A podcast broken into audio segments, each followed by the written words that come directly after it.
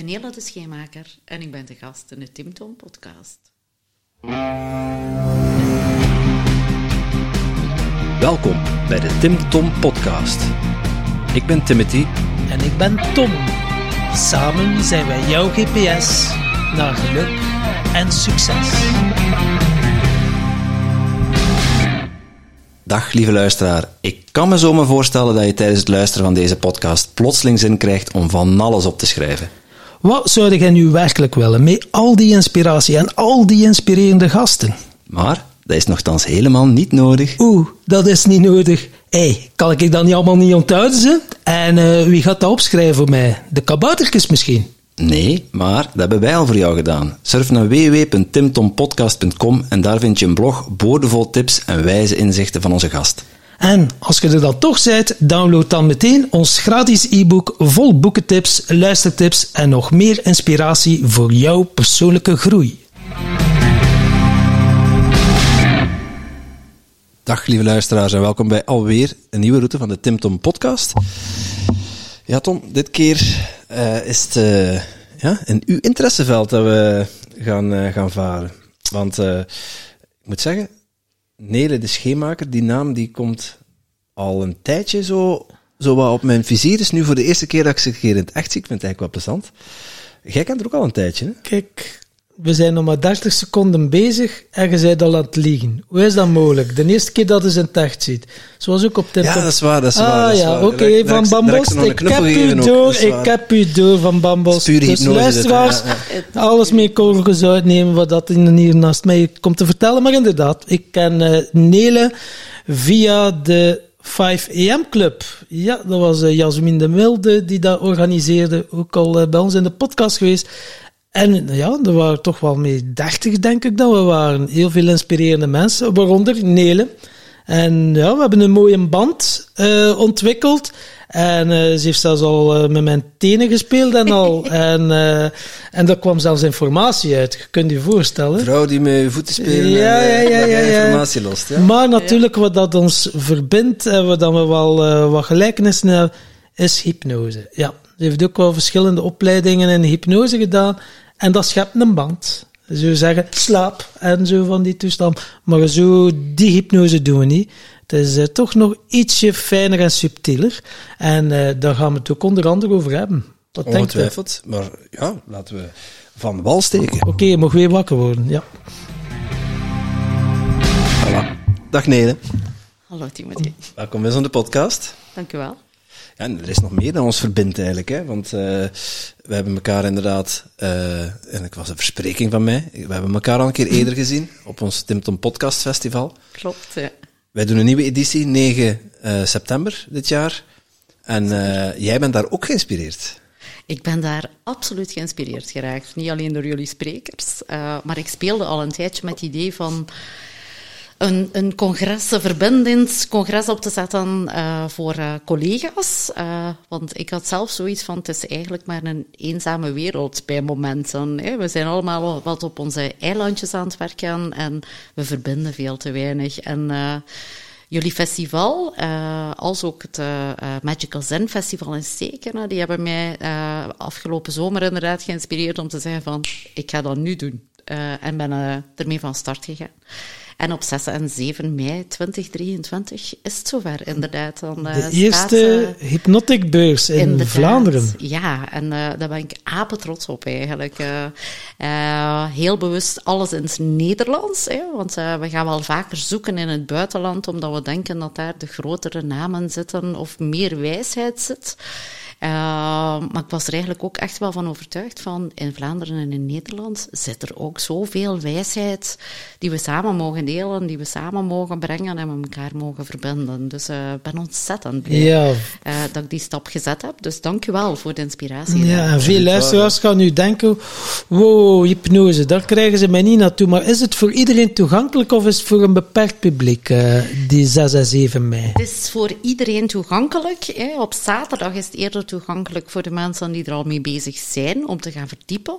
Uh, of mensen die uh, de intentie hebben om ermee aan de slag te gaan, om, er, uh, om, om erover te leren, om geïnspireerd te worden en ermee aan de slag te gaan. Dus eerder naar professionals. professionals. Ja, ja. ja, inderdaad. En dan de zondag is echt voor het hele brede publiek. iedereen is welkom. En het hoofddoel is echt mensen gaan verbinden en gaan demystifiëren. Want uh, ik word zo vaak zo raar bekeken. Dat woord moet je nog een keer herhalen. Hè? Demystifiëren. het uh, uh, dichterbij brengen gewoon. Het baas rond hypnose, want daar hangt zoveel rond. Hè. Mensen daar hangt zo'n groot rookgordijn rond, ook uh, letterlijk en figuurlijk, dat mensen daar bang van zijn op de een of andere manier. Hoe vaak dat ik niet te horen krijg van, als ik zeg dat ik met hypnose bezig ben, oh, nu ga ik niet meer in uw ogen kijken. Of, oh, dat is scary. En ik heb zoiets van, daar is niks scary aan. Het is alleen het onbekende is uh, uh, compleet onbemind. Hè. En uh, er worden wel vaak associaties gemaakt met hypnose die onterecht zijn. Ja, en voor, dat wil ik inderdaad... voor angsten weg te nemen, bijvoorbeeld iemand die last heeft van hypopotomonstrose skipidaliofobie. Ja, meneer Van Bambost, heb jij er soms last van? Uh, ik zal maar ja zeggen, zeker? Nee, ik, ik, heb geen flauw idee wat je nu zegt, eigenlijk. Nee? Dat iemand die bang is van de regen of zo? Hippopotamonstrose skipidaliofobie. Dat is iemand die bang is... Van nijlpaarden? Nee, van uh, lange woorden. Ah. ja, ja, je mag hem opzoeken. Ja. Ik, heb wel, uh, ik kan hem eens onthouden, als dan ik ga opzoeken. Is ook uh, de heel bewuste keuze inderdaad uh, uh, van het woord. maar het is inderdaad, hypnose is zo efficiënt bij het inzetten, bij het overwinnen van fobieën, van angsten, van verslavingen, van zoveel zaken. Als jij het aan het brede publiek zou moeten uitleggen of een definitie zou moeten geven, hoe zou jij hypnose omschrijven? Ik omschrijf het wel vaker als een techniek, waar, eh, eigenlijk is het enerzijds iets waar je alle dagen mee zelf geconfronteerd wordt. Hè. Elke dag uh, word je wel gehypnotiseerd op de een of andere manier. Of dat je daar nu bij stilstaat of niet. Ik, uh, het makkelijkste voorbeeld en de makkelijkste vergelijking zeg ik altijd van, je doet de deur van je auto open, je stapt erin en je let op de baan. Dus uh, je gaat je zodanig daarop focussen dat je vaak niet in de gaten hebt van was de bakker nu open of niet. Gewoon omdat je niet bezig bent met die bakker op dat moment. Je bent bezig met de baan. Uh, dus je zit op dat moment in een vorm van trance. Hè. Heel gefocust, want eigenlijk is het een vorm van heel gefocust zijn op een bepaald iets om dan een probleem te kunnen aanpakken. Uh, dus, uh, waarbij dat op een hele natuurlijke manier eigenlijk tot oplossingen komt. Hè. Want je hebt verschillende vormen van hypnose natuurlijk. Hè. Je hebt uh, de hele suggestieve hypnose, waarbij dat we uh, suggesties gaan geven van hoe dat je anders met situaties kan omgaan. Wat dat de politiek en de mainstream media doet. Wat dat de politiek en de mainstream media inderdaad doet. Ja. Uh, wat dat in en de tegenbeweging ook. Ja. In Eigenlijk ja, ook, inderdaad. Dus waar dat we eigenlijk elke dag mee geconfronteerd worden. Hè. Dus suggesties geven en die suggesties worden opgepakt en je bent vertrokken. Hè het is ook een hele natuurlijke vorm van hypnose, dat niemand in de gaten heeft. Hè. Wordt helemaal ook zo niet benoemd, maar eigenlijk is het ook wel zo. En dan heb je die andere vormen van hypnose, waarbij dat je echt aan de slag gaat en het onderbewustzijn dingen naar boven laat brengen. Uh, waarbij dat je echt, in mijn beleving, uh, veel meer naar de kern gaat van dingen, omdat je gaat kijken van Waarom reageer ik op een bepaalde manier? Wat zit daar in de weg? Wat, welke trigger zit daar vast die mij belemmert? Uh, en op die manier uh, kun je prachtige resultaten neerzetten van dingen dat je denkt van, wauw. Ja, uh, want meestal is het wel, het levert u nog iets op, hè, want anders stopt het direct mee, hè, met ja. een bepaald gedrag. Dus Absoluut. Als je iets doet, daar gaan graven en dan de bewustzijn welke behoeften worden die nog vervuld. Voilà. En zijn er nog andere manieren om die behoefte te vervullen? En hoe meer strategie je dat hebt om die behoefte te vervullen, nou, hoe makkelijker dat ook wordt. Zeker weten. Ja, ja, het zorgt er inderdaad ook voor dat je echt ja, inzicht krijgt in dingen. Hè. Dus eigenlijk het onbewuste bewust maken ook. Uh, van, uh, ah, dat is de oorzaak waarom dat ik mij zo gedraag. Uh, en dat je ermee aan de slag kan. Maar je, je ziet vaak ook dingen... Ik had vorige week bijvoorbeeld een dame die kwam langs met om te vermageren. Hè. Dat klinkt... Ehm, en met het feit dat ze bleef hervallen in een bepaald gedrag.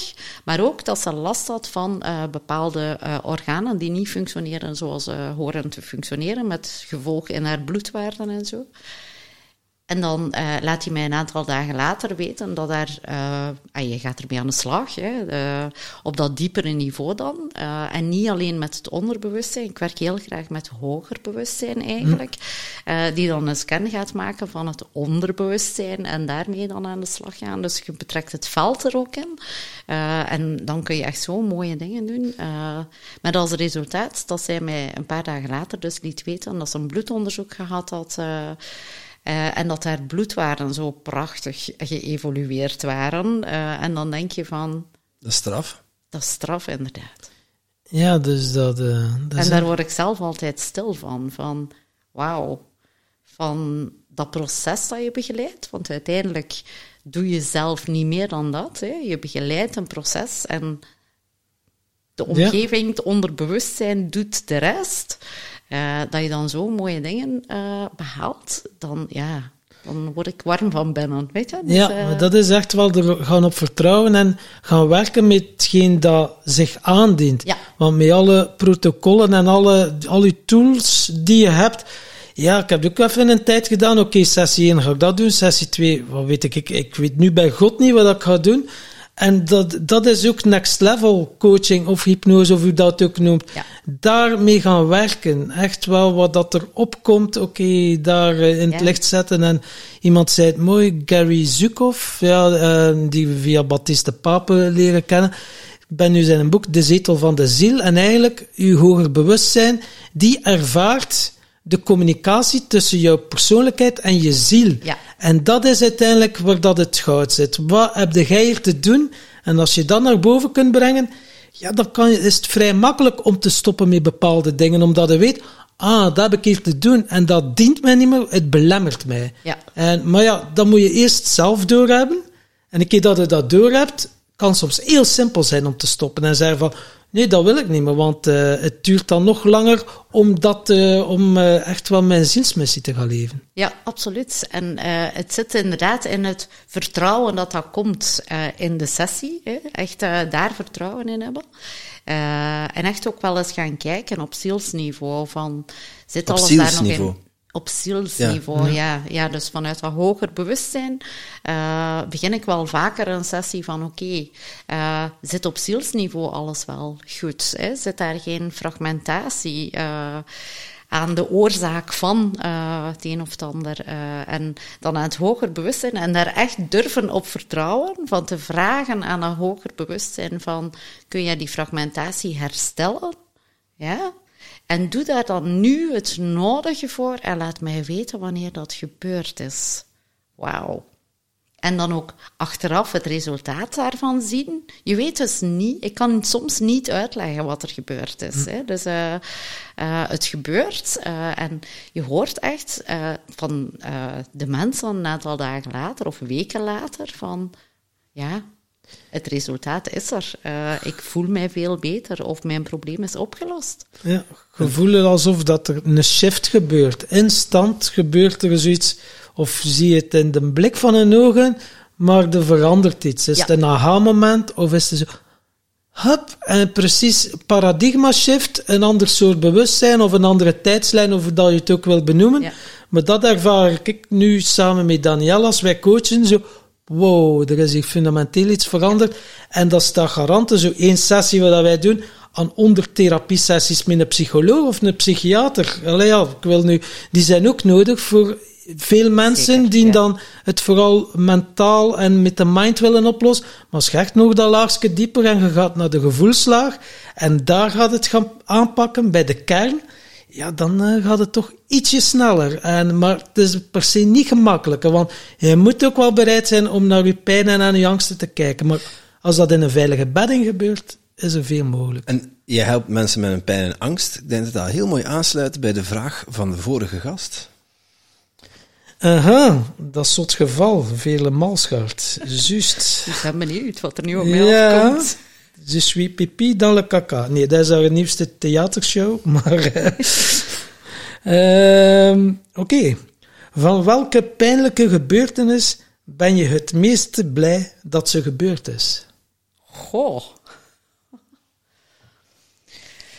Eh.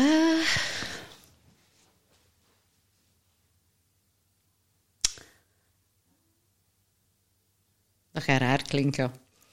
Ehm, mijn ouders zijn gescheiden toen ik 16 was. Hè. Dat was eh, een hele eh, pijnlijke gebeurtenis. Zowel voor mijn ouders als voor mijn broers en mijn zus en mezelf. Eh, maar als ik er nu op terugkijk, is het wel de gebeurtenis geweest die bepalend geweest is voor mijn daadkracht in mijn leven. Ehm, in de zin dat op dat moment word je niet alleen met jezelf geconfronteerd, hè, word je heel erg in de steek gelaten eh, door een van je ouders. Eh, het gaat moeilijk met de andere ouder.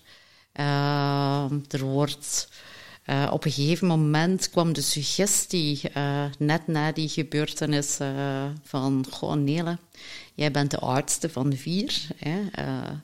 jij bent een meisje. Zou het geen idee zijn dat jij gaat werken op je 18, zodanig dat eh, de rest kan studeren? Hè? Dat is een financieel moeilijke situatie. Ehm, en ik had toen zoiets van: nee, dat ga ik nu niet doen. Hè. Dus, eh, ehm, maar ik ben wel gaan werken om te kunnen studeren. Eh, mijn broers en mijn zus ook. Eh, dus we hebben uiteindelijk allemaal gestudeerd. Maar het is wel een moment geweest dat ik voor het eerst, denk ik, echt dus ook voor mezelf koos. Voor jezelf kiezen. Dus ja. dat is al op een leeftijd van 18 jaar dat je echt toen al jezelf op de eerste plaats zette. Wat dat voor heel veel mensen toch wel eh, een dingetje is. Ik heb het toen gedaan. Er zijn nog andere momenten geweest dat ik het minder gedaan heb later in mijn leven. Eh, maar toen was het inderdaad zoiets van: eh, nee, nu mag ik dat wel doen. Hè? Dus, eh, En was dat dan zo alsof dat, dat zo een stem van hoge rand is, alsof dat je niet anders kunt, dat je zo u precies u overneemt en zo zegt van, mm, pak. Eh, ja, enerzijds. eh, ik had meer het gevoel dat van binnen kwam van. eh, als, je, als je dat nu niet doet, ga je het nooit doen. Ga je altijd in dienst staan van een ander, bij wijze van spreken. Ehm, want als oudste word je wel opgevoed om eh, u te gedragen. Hè. De oudste van vier, we, we zaten allemaal heel kort op elkaar. Dus je moet flink zijn, eh, helpen in het huishouden. Vanaf een hele jonge leeftijd. Hè. Dat helpen in het huishouden, dat is oké. ik vind het ook nog altijd belangrijk dat mijn kinderen dat ook doen. Ehm, dus je staat eigenlijk, je leert al heel snel om niet voor jezelf op te komen. En dat moment was het zo de eerste keer dat ik echt wel voor mezelf opkwam. Zo van, eh, ik mag dat wel. En, en het heeft mij ook de kracht gegeven om heel veel dingen te doen in mijn leven. Van, ah, ik mag dat doen. Eh, maar aan de andere kant, eh, een tijdje terug, een, een jaar of vier terug, eh, was ik met iemand aan het praten. Want ik heb wel al vaker zo het gevoel gehad van ik moet altijd maar vechten, eh, altijd aan de kar trekken. En, en ja, dat niet altijd even makkelijk is in mijn leven. En die vroeg op een gegeven moment van, hoe ben jij geboren? En dat was zo'n heel bijzondere vraag. Zo van, hoe ben jij geboren? vroeg die. En eh, mijn moeder had mij altijd verteld hè, dat er een zware bevalling was, dat ik een hele magere baby was, eh, dat ik blauw was bij de geboorte, navelstreng eh, rond mijn nek. En die dame die zei van, Manele, jij gaat heel je leven het gevoel hebben dat je moet vechten. Want je hebt moeten vechten voor je plekje vanaf het hele prille begin. Hè? Dus, eh, eh, en dat was zo eventjes wel een, eh, een momentje dat ik dacht van... Right, oké, goed. Ik leg mij ermee neer dat ik mijn hele leven ga moeten... moeten ja, ergens wel vechten voor mijn plekje. En ja, als ik dat dan terugkijk en die analyse maak uh, van al die momenten dat ik al heb gevochten voor mijn plekje, dan zijn dat er best wel wat. Ja. Er, zijn zijn momenten geweest die je dichter gebracht hebben daar waar je naartoe wilde? Of juist uh, omgekeerd? Uh, nee, ja, over het algemeen wel dichter gebracht hebben naar waar dat ik op vandaag sta. Laat het mij zo stellen. Uh, om te durven echt mijn plek in te pakken. Uh, om te durven zichtbaar zijn. lang zo het gevoel had hm. dat dat niet mocht of niet kon. en sinds dat moment eigenlijk echt wel krachtiger er gaan instaan met dat besef van oké, okay, ik ga er altijd moeten voor vechten, maar het mag wel. Ja? Dus uh, ik mag wel dat plekje inpakken. Ja, je moet, er moet altijd bereidheid zijn om de prijs ervoor te betalen om iets te bereiken. Het gaat u niet zomaar in de schoot geworpen worden. Voilà, dat besef, vooral dat. Ja, ja, ja. We, we kunnen is, blijven uh, dromen dat het vanzelf komt. Uh, het zal altijd een beetje werken zijn. Op je, op je 18 had je dus eigenlijk al een, een, serieuze stap genomen in, ja, in je autonomie. In, in te kiezen voor jezelf van nee, die suggestie die gaan we niet volgen. Ik ga mijn eigen pad volgen. Uh, kun je ons eens meenemen verderop op je pad? Ja, ik kan jullie daarin meenemen. Het was uh, niet altijd een pad waarin ik inderdaad voluit voor mezelf koos. Er zat veel angst achter, als ik uh, nu terugkijk. ik ben gaan studeren. Hè. In eerste instantie maatschappelijk werk gaan studeren. Vond ik een superleuke studie. maar was niet met voluit mijn goesting van bij het begin, maar was eerder een studie van, god, dat is een brede studie, ik kan er alle richtingen mee uit. Lekker praktisch, nog, ja. nog niet weten uh, waar wil ik naartoe. Uh, maar wel een hele mooie basis uh, om meer kennis op te bouwen. En ja, dat hulpverlenen, dat helpen van mensen, zat er toen ook wel al in. Hè. Dat zit er denk ik al heel mijn leven in. Er zijn voor anderen ook. Um, maar daarna, ik heb tijdens mijn stage, ik heb toen mijn stage gedaan in het OCMW in Gent op de dienst Vluchtelingen. Uh, en mijn thesis toen geschreven over communicatieproblemen door cultuurverschillen. Superleuk thema ook. Uh, en toen dat ik 21 was, afgestudeerd aan de sociale school, had ik zoiets van, nu al gaan werken. Mm, mm. Ik zag dat niet zitten. Hè. Dus, uh, en dan ben ik verder gaan studeren en uh, heb ik Afrikanistiek gedaan. Geïnspireerd en gefascineerd eigenlijk ook wel door het Afrikaanse continent. Ook iets die er eigenlijk al vanaf mijn kindertijd in zat. Op school hadden we zo die tamtammetjes, dat was zo'n hm. boekje die we regelmatig kregen. En ik was zo gefascineerd door die ogen van die Afrikaanse kinderen. Op de een of andere manier uh, had ik iets met Afrika en uh, ben ik dan dus Afrikanistiek gaan studeren. Uh, ik heb daar nooit echt iets mee gedaan in, in het werkveld, maar ik vond het een superboeiende studie ook. Zo die antropologie die daarin zat en het breder bewustzijn rond andere culturen, geïnspireerd geraken door die mensen, door die culturen heel nieuwsgierig, nog altijd, op vandaag eigenlijk. Je bent er nou naartoe geweest? Ik ben uh, al uh, in Afrika geweest, nog niet heel Afrika gezien.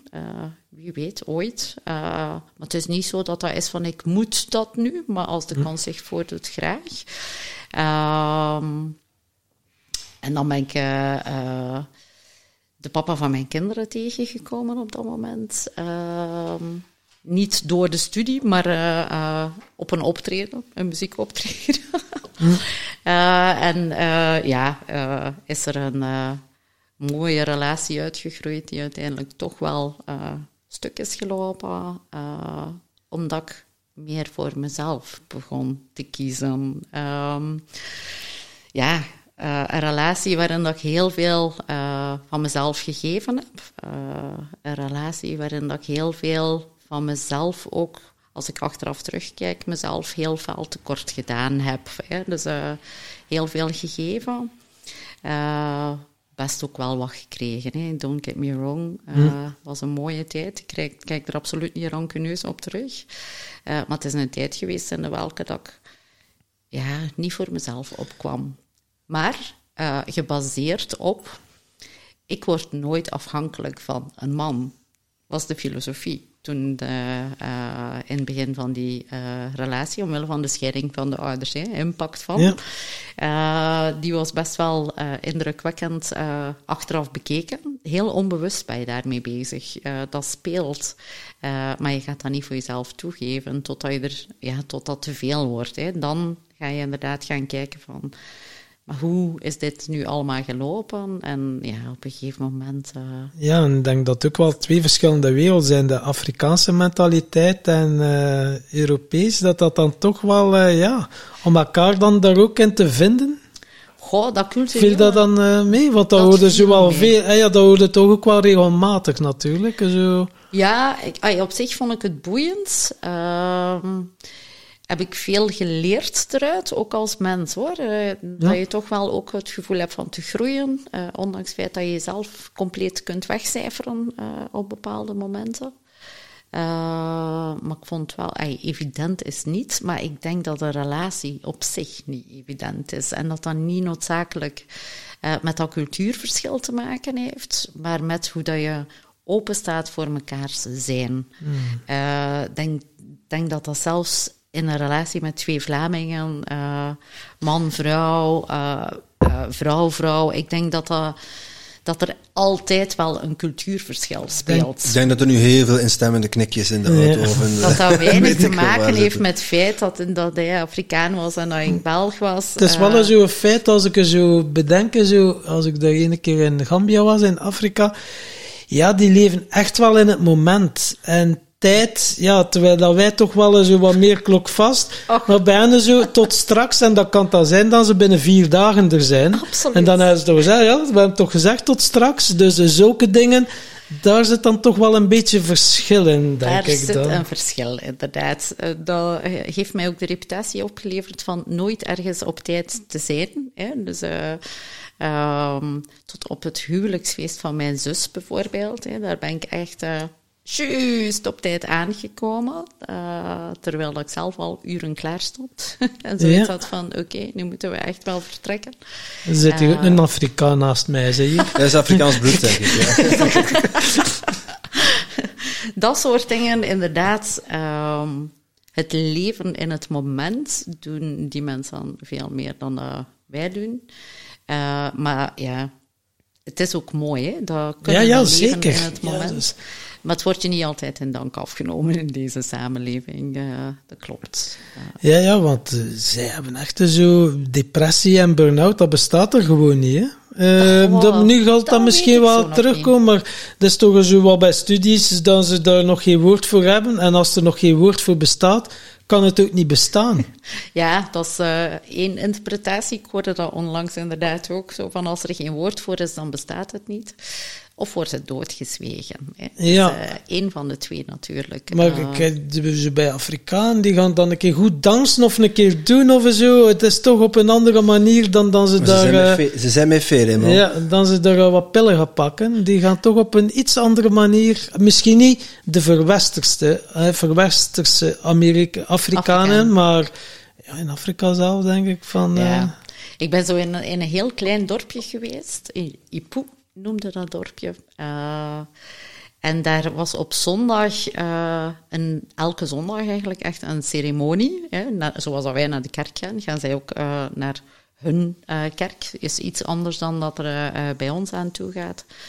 En daar werd ik voor het eerst gecon geconfronteerd eigenlijk met trance. Hè? Dat was echt zo. Uh, mensen begonnen te dansen en gingen zo diep daarin dat ze helemaal in trance gingen. Hè? En dan spreken met de geesten en boodschappen overbrengen. En dat vond ik toen heel creepy. Hm. Nu heb ik zoiets van: wauw. Ja. het durven uh, naar dat niveau inzakken en gewoon in die flow gaan zalig. Uh, maar toen vond ik dat heel creepy. Hè? Ja, dus, ja, ja, die overgave, volledige... Die volledige overgave, ja. inderdaad. Want ik ben ooit uh, ziek geworden in uh, Ghana. Ik had een kwaadaardige malaria opgelopen, niet van de poes. Ehm, en ik weet nog dat er, dat er toen ook een, een, een shamaan uh, voor mij kwam uh, bidden en uh, handoplegging en om ervoor te zorgen dat ik zou genezen. en dat was ook zoiets indrukwekkends, dat ik zoiets had van, wauw, dat je echt ook die energie kon voelen. Uh, dat je je echt op slag ook beter voelde, hoe ziek dat ik ook was. Hè? Want uh, uh, achteraf bekeken was ik best wel heel ziek op dat moment. Ehm, maar je voelde echt die energie doorgegaan. Het moment als, dat ik zo'n handoplegging kreeg op mijn hoofd, hè, voelde echt zo die energie pff, door mijn lichaam bruisen. Dat ik dacht van, wauw, dit is krachtig. Mm. Maar je hebt natuurlijk ook de keerzijde. In, in Afrika wordt ook de zwarte magie. En, en de uh, voodoo en milde popjes uh, en zo. Ja, ja. inderdaad. Uh, die bestaat er natuurlijk ook in alle geuren en kleuren. Dus, maar heel leuk en, en fascinerend om dat mee te maken, om dat te zien. zeker vanuit een, een westers oog. Hè. In het begin ja. kijk je daar met heel westers oog naar. en dan hoe langer dat je erin zit, hoe meer dat je inderdaad mee kunt gaan in die flow. Het meest kon ik genieten bijvoorbeeld van ah, de heel simpele dingen dan, van letterlijk in Ipoe was geen elektriciteit. Uh, was ook geen uh, lopend water, was echt een heel uh, primitief dorpje, maar echt een paradijs. Het was lopen om water. Wat? Het was lopen om water. Ja, het was lopen om water, letterlijk. Dat is ook zo'n... Uh, ik heb ooit geprobeerd om zo mijn tijlwater op mijn hoofd uh, naar, de, uh, dat, het kotje waar dat je dan mocht tussen te lopen. Ja, ik heb wel geteld twee meter dat volgehouden. Van malaria naar hernia. Ja, ja. dat was juist voor de malaria, helaas. Um, maar ik denk dat ik twee meter gelopen heb met die tijl. En dat ik dan zoiets had van, ik kan dat niet. Uh, dat woog veel te veel. Mijn nek ging helemaal... Dus ik heb ontzettende bewondering gekregen voor vrouwen dat ik zie lopen met zo'n tijlen, hele grote ja. tijlen uh, op hun hoofd. Dat je weet hoe zwaar dat weegt. En dat zij dat doen alsof dat niks is, hè. Dat ik echt zoiets had van... Ja, ja, ja, ja, er zit inderdaad veel. Hè. Dan ze daar zo toch wel, hè, dan gaat dat over ja, 20 kilo of soms meer dan die er even. Onvoorstelbaar. En die houden dat soms zonder het vast te houden in evenwicht op hun hoofd. Twee meter. En uh, mijn tijl lag al net bijna op de grond. Er waren er twee die, ay, aan beide kanten liep er natuurlijk iemand te gieren van het lachen dat dat niet lukte. Hè. Die Uberoni die, de, die dat niet kon dragen. Uh, was, oh, ay, ik heb er ook ontzettend mee staan lachen. Maar uh, ja. ja. je leert wel echt appreciatie op te brengen voor uh, hoe die mensen leven. En dan in Afrika, ik vermoed dat dat niet jouw job was, dat je daar geen reisgids was in Afrika, dus dat je dan toch nog iets anders deed, beroepsmatig. Uh, ja, op dat moment was ik aan het werk in de reisverzekeringen. Oké, okay, je had toch iets meer reizen te maken. Ja, ja maar onrechtstreeks. weet je, ik was uh, mijn, eerste, mijn allereerste job was als maatschappelijk werker in een centrum voor illegalen hier in België. Dus waar dan mensen die illegaal in België verblijven opgesloten worden en dan gerepatrieerd worden. Hmm. Heftige job, mentaal ook, menselijk ook, dat je denkt van, wat doe ik hier? Dus uh, ik heb dat net geen twee jaar gedaan. Uh, ik ben dan hals over kop op zoek gegaan naar iets anders. Uh, en op dat moment zochten ze hulpverleners bij elf jaar reisverzekeringen. En ik dacht van, hulpverleners. Ik ben hulpverlener, ik ben maatschappelijk werker. Ja. En dan kwam ik inderdaad in de wereld terecht van ook weer repatriëringen, maar van het buitenland naar België terug. Hè. Dus uh, uh, ben ik daar begonnen als medewerker op de alarmcentrale. Het is omgekeerd, hè? Blije mensen in plaats van gebroken mensen. Ja, ja, uh, goh, ja, in beide gevallen heb je wel te maken met uh, het ene heftiger Tuurlijk, ja. dan het andere. Um, maar je hebt in beide gevallen wel te maken met mensen die niet echt gelukkig zijn op dat moment. Hè. Dus uh, uh, die ofwel uh, fysiek gebroken zijn hè, na een ongeval, of ook wel mentaal. Uh, het zijn niet van mensen die graag naar huis willen. Dat is toch... Die willen graag naar huis, inderdaad. Ja. Die Belgen uit het buitenland, die willen naar huis. En in de omgekeerde richting, inderdaad, was dat niet niet het geval. Nee. Uh, Onmenselijk, ja. ja. En was dat menselijk heel zwaar, absoluut. Ja. Want hoe ga je er zo mee om als je er zo moet, machteloos moet toekijken aan de zijlijn? Iemand die eigenlijk zoiets zegt van, allee, laat die toch hier de kans dat hij krijgt, maar dat hem dan toch moet terugsturen van, dan neem je toch mee naar huis. En hoe ga je, hoe doe je dat dan om jezelf daarin uh, te zuiveren of toch nog uh, een menselijk waardig bestaan te hebben? Want ja, als je dat zo als een spons allemaal absorbeert en zo, die, dat onrecht allemaal dat je ziet dagelijks, hè, ja, worden dat toch mee geconfronteerd. Ja, ja, ja, daar word je inderdaad in die situatie dagelijks mee geconfronteerd. Uh, en op dat moment was ik mij nog niet, hoe zou ik zeggen, had ik zeker nog niet de juiste methodiek voor mezelf gevonden om daar echt mee om te gaan. Dus dat dat weegt op jou als mens ontzettend door. Dat is ook de reden waarom dat ik het niet zo lang gedaan heb. Want ik had toen zoiets van, ik moet hier nu echt weg voordat ik zelf gek word. Hè, want je krijgt nachtmerries, je bent daar echt wel mee bezig s'nachts. Um, en niet alleen s'nachts, uh, ook overdag. Zo van, wat ben ik hier aan het doen? Um, wat ben ik aan het begeleiden? Kan ik hier als mens wel achter staan. Uh, hoe zorg je er dan toch voor? Hè? Want dat probeer je dan wel, van dat voor die mensen zo menselijk mogelijk te maken binnen het kader dat je krijgt. Uh, en dat is geen evidente zaak. Dat snap ik. Uh, dat is iets waar ik tot op vandaag echt ook nog wel mee bezig ben. Als ik zo hoor over die repatriëring, ja, je blijft dat wel volgen. Hè? De, de vluchtelingenproblematiek. Uh, uh, is er eentje ja, die nou op mijn vizier uh, zit en blijft. Maar jezelf daarvan zuiveren, ja. dat vind ik nog altijd een hele moeilijke. En als dan zo de media dan nog zo'n beetje de groeperingen tegen elkaar gaan opzetten, en dat er dan ook de haat ziet in heel veel mensen in ogen. Vlamingen die zoiets hebben. Ze komen hier alles pakken hier, die vluchtelingen. Dan hebben ze, daar worden moedeloos van. Want iedereen heeft recht op een menswaardig bestaan. Zeker, en, zeker, zeker. En dan zeggen mensen zo wel, ja, ja, ja, oké, okay, die vluchtelingen, maar dan, als je zo zegt, ja, ze komen in de straat, maar ja, ja, ze moeten ook niet in mijn straat komen ja. wonen. Hè. Ja.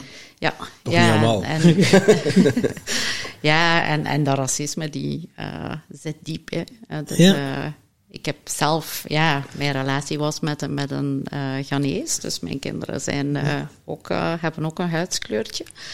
en daar kun je je soms echt wel zorgen over maken van hoe de samenleving evolueert en wat de impact daarvan is. Komen ze er regelmatig mee in? Uh, mijn kinderen worden contact, regelmatig met racisme geconfronteerd, inderdaad. Mijn zoon veel meer dan mijn dochter. Uh, heeft dat te maken met het feit dat het een jongen is? Ik veronderstel van wel. Oké.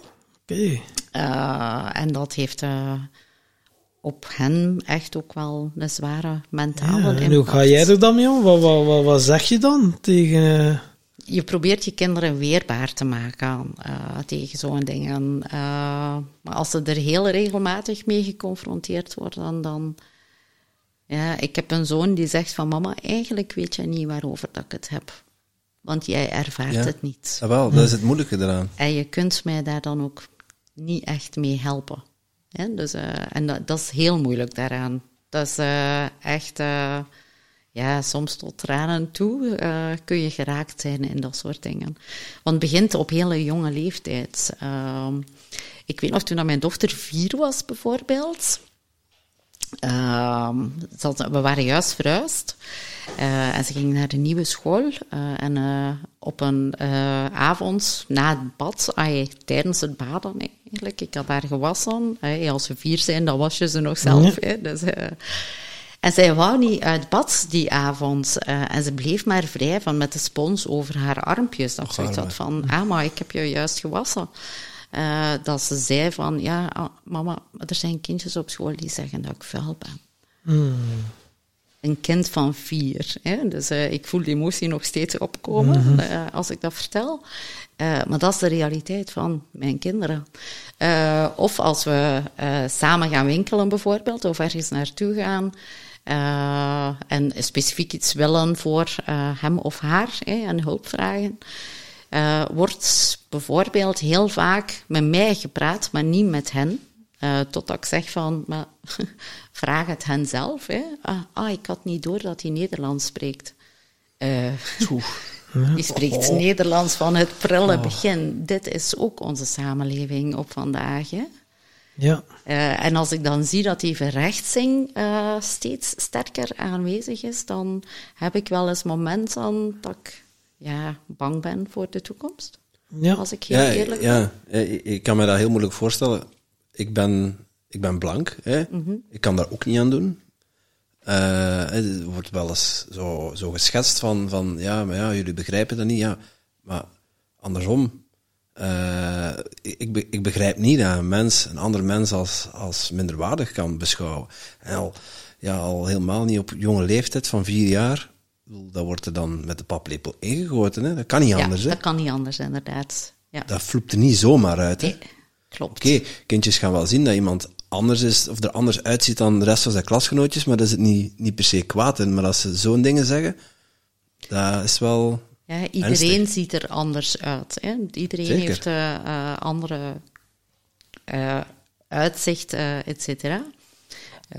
maar het is inderdaad niet normaal dat dit soort uitspraken uit de mond van een kind van vier komen. Ja. Dat je vuil bent. een kind van vier ziet dat normaal ook niet. Hè? Dus, nee, jawel. Het is dat soort dingen, ja, dat iemand, dat, dat iemand een, andere, een andere haarkleur of een andere huidskleur heeft, of, of ja, bij wijze van spreken andere kleren aan heeft, dat gaat een kind erop zien. Maar niet dat daar die betekenis van je bent vuil, dat, dat, dat, is niet echt een natuurlijke reactie. Anderzijds uh, ja, staan we met z'n allen zelf aan de lat om, om daar veranderingen aan te brengen. Hoe, hoe zouden we dat moeten aanpakken volgens jou? Je, hebt, je, je, hebt, je, hebt die, je hebt die dan die, die ervaring uit eigen, uh, uit eerste lijn eigenlijk. Niet zelf de ervaring, maar ja, je, je ziet je kinderen daarin opgroeien. Wat, wat zouden we daarvan kunnen doen, Nele? Goh, ik vind dat, dat een hele moeilijke vraag. Hè? Want van nature ben ik zelf niet oordelend naar anderen toe. Dus ik vind dat helemaal niet normaal dat dat gebeurt. Hè? Sorry. Uh, en dan denk ik van, oké, hoe vermijd je dat dit aangeleerd wordt? Hè? Want daar gaat het eigenlijk over. Hoe leer je met andere woorden dat mensen elkaar als allemaal gelijk en evenwaardig gaan beschouwen, als allemaal oké gaan beschouwen. Hè? Dat iedereen er mag zijn zoals dat ze zijn. Uh, en dan denk ik van, ja, dan moet je echt en met de ouders aan de slag en met de kinderen aan de slag. Heropvoeden. Uh, heropvoeden, eigenlijk, ja. Uh, maar dan, ja, dat is makkelijk gezegd, hè. Uh, want ik heb bijvoorbeeld mijn zoon, die als ik dat met hem bespreek en zoiets heb van, goh, zou het geen idee zijn dat ik daar eens een voordracht over ga geven, uh, over... want racisme is uiteindelijk ook een vorm van pesten, hè? dus dat we dat ook ja. zo gaan bekijken. En dan zegt mijn zoon van, nee mama, niet doen. Ja? Want als je dat gaat doen, dan gaat het alleen maar erger worden. Ja? Zo ver zijn we. Mm Dat hij zoiets heeft van, mama, het is al zwaar genoeg laat maar. Ja, het is al ook goed dat je het uiterlijk niet ziet wie dat er gevaccineerd is en wie niet. Of we zouden het ook zelf ervaren wat dat is, mensen dat racistisch zijn. Tot wanneer dat een keer uitspreekt of dat je gevaccineerd of niet, hoe dan mensen al naar u kijken. Ja, en zo mee een boogje rondom u lopen en zo op en zo. Dat je denkt, oh my god. ja. Ja, we hebben dat ook uh, heel fel gemerkt, inderdaad, in de coronaperiode. Wat, uh, hoe mensen zo snel ja, in groepen ingedeeld kunnen worden en uh, achteruitgestoken worden, een, een stempel krijgen. hoe snel dit, want dit vond ik echt wel heel verontrustend hoor, in de coronaperiode. Ik had zoiets van, wow, dit is hoe Hitler het gedaan heeft. ja, de elite, de, de, elite, ja, dat is een beproefd, ja, iets dat werkt, hè twee groepen tegen elkaar opzetten, oftewel hoorde bij die groep ofwel bij die groep. Ja. En uh, ja, dan, dan is er afleiding en kunnen zij hun ding doen en er alles doortrekken en al doorsleuren. En dan maar over Zwarte Pieten en over van alles. Uh, ja, Zwarte Pieten ja, in Afrika. Oké, okay, zijn er wel genoeg, maar... Oh, oh, oh, ik had de link niet gelegd, ik was meer in die Zwarte Pieten verhaal. Okay. Ja, maar het is wel een feit inderdaad, hoe dat het eraan toe gaat. Het is... Uh, Voordat we het weten, zitten we weer in een derde wereldoorlog. Of, uh, wel, ik was onder de indruk tijdens de coronaperiode inderdaad over hoe snel zelfs familieleden van elkaar uh, rond dat gevaccineerd zijn en niet gevaccineerd zijn, ja, ruzies konden krijgen, uit elkaar konden gedreven worden, uh, omwille van in de media van alles en nog wat die passeert, hoe gevaarlijk dat mensen zijn die niet gevaccineerd zijn en dat zij de oorzaak zijn dat wij nog met mondmaskers moeten rondlopen. Ik had echt zoiets van, wauw, wat een polemiek zijn we hier aan het lanceren die compleet onterecht is. Hè? Ja, het dus, is uh... zo zot. Ik moest deze week naar het kliniek voor een kleine ingreep. Maar iedereen loopt er nog mee mondmasker. Ja, ik, ik deed bewust niet aan. Ja, ze zeggen wel vijf keer, ja, mondmasker heb je Ik zeg, nee. Ah ja, moet die hebben? Ik zeg, ja, dan, dan, dan aan mijn armen en zo. En dan zeggen ze, ja, we, ja iets allergisch. Ik zeg, ja, mondmaskers. En dan was ik zo in gesprek. Maar ik zeg, eerlijk, ik zeg, hoe vinden jullie dat? Ja, ja, maar ja, kun er niets van zeggen of... Uh, maar ik zeg wel, er zijn toch al mee velen die datzelfde idee... Ja, ja, maar dat is niet simpel omdat... Uh, Sociale en ik dacht, wow, en ja, vak, en dan zei ze, ja, meneer, jij bent niet gevaccineerd zeker? Ik zeg, oei, staat dat op mijn voorhoofd? Nee. Maar zij zei, ja, tweede vaccin en nu alle reten stinkt alles stinkt. De smaak en het, en het ruiken. Al iets wat ik zei, ja, ik ben hypnote uh, hypnotherapeut. Ah, zou jij dat via hypnose kunnen veranderen? Ik zei, ik weet niet, ze maat, wat, wat. Zijn jij gevaccineerd? Ik zei, ik, weet niet wat specie dan ze nu doen, maar naar het tweede vaccin. Alle reten, smaak, stinkt en allemaal zo. Ik dacht, oh my god, man. En dat is dan, uh, ja. Ja, een van de mooie genuchten van het leven. Die ja, ja, ja, ja. En, dan, uh, en meer en meer, hè. Wat was het? Allee, niet dat ik nog de media zie. Ineens zijn er 19% meer doden of zo. Zag dat ook eens in een statistiek. En plotseling overlijdens. Maar ja, mensen linken het nog niet aan dat. En oké, okay, is dat juist of niet juist? Ik hou het ook in het midden, dus ik ga hier ook geen polemiek starten of zeggen zo en zo is het. Mm. Maar ja, ik heb zoiets, ga voelen mensen. En oké, als je iets leest, ga voelen van, oké, en weet het nog niet of voel het nog, oké, het is allemaal oké, maar ja, een keer dat je iets, hoe zei het Johan Cruijff, je gaat het pas zien eens je het door hebt. Ja. En ja, dan uh, komen er zoveel andere dingen dan daar. Oh my god, dat ook nog. Oh my god. En dan, Maar dan ook het gevaar om je daar niet in te verliezen. Absoluut, Want dan zit er ook weer in die afleiding. En daar is het leven ook niet voor, uh, nee. voor gemaakt. Nee. nee. het is belangrijk van gewoon te kunnen leven. Weet je? Uh, er gewoon van te genieten elke dag. En niet overanalyseren. ik wil mij zeker niet van de dommen houden of zo, maar er zijn momenten dat ik gewoon zoiets heb van alle media uit. Ja. Ik geniet van mijn dag. Ja, en, uh, ik geniet van mijn week. Ergens, ja, dat, dat is dan ook, uh, dat is niet per se de bal onder water duwen, maar uh, ja, als je erkent van elkaar dat je het niet eens gaat raken, dan moet je ook niet continu olie op het vuur willen gooien. Hè? Nee, dus en dan moet je, je, hoeft er niet met een hele grote boog omheen lopen, maar als je elkaar standpunt respecteert, hè, daar begint het mee. Mhm. Als je elkaar standpunt respecteert, dan kun je ook nog over honderd en miljoen andere dingen praten. Absoluut, ja. En dat is inderdaad het durven accepteren van, we moeten het niet over alles eens zijn. Uh, leef en laat leven. Hè? Dus uh, uh, al die verschillende meningen die mogen bestaan kan zelfs voedend zijn, hè, om inderdaad kritisch te blijven naar je eigen mening kijken. Altijd goed. Uh, en dan verdraagzaam daarin zijn naar elkaar toe. Uh, maar daaraan ontbreekt het ja. uh, heel vaak. Hè. Het is echt van, we moeten met gekruiste degen tegenover elkaar komen te hm. staan. Nee. Jij mag een andere mening hebben dan dat ik heb. Uh, dat is helemaal oké. Okay. Uh, Val me er niet meer lastig. Soms, hè. Yeah. Uh, maar het is helemaal oké. Okay. En, en mooi zelfs dat er andere meningen kunnen zijn uh, in de wereld. En dat je die van elkaar kunt aanvaarden, zonder dat tot conflicten moet leren. Zonder dat dat er moet... Want waar ontstaan oorlogen? Dat is puur door dat soort dingen bijvoorbeeld ook. Hè, van ja. Macho-gedrag uh, die ertoe leidt dat. Uh, en gewoon geen herkenning kunnen geven aan de mening van een ander is ook oké. Okay.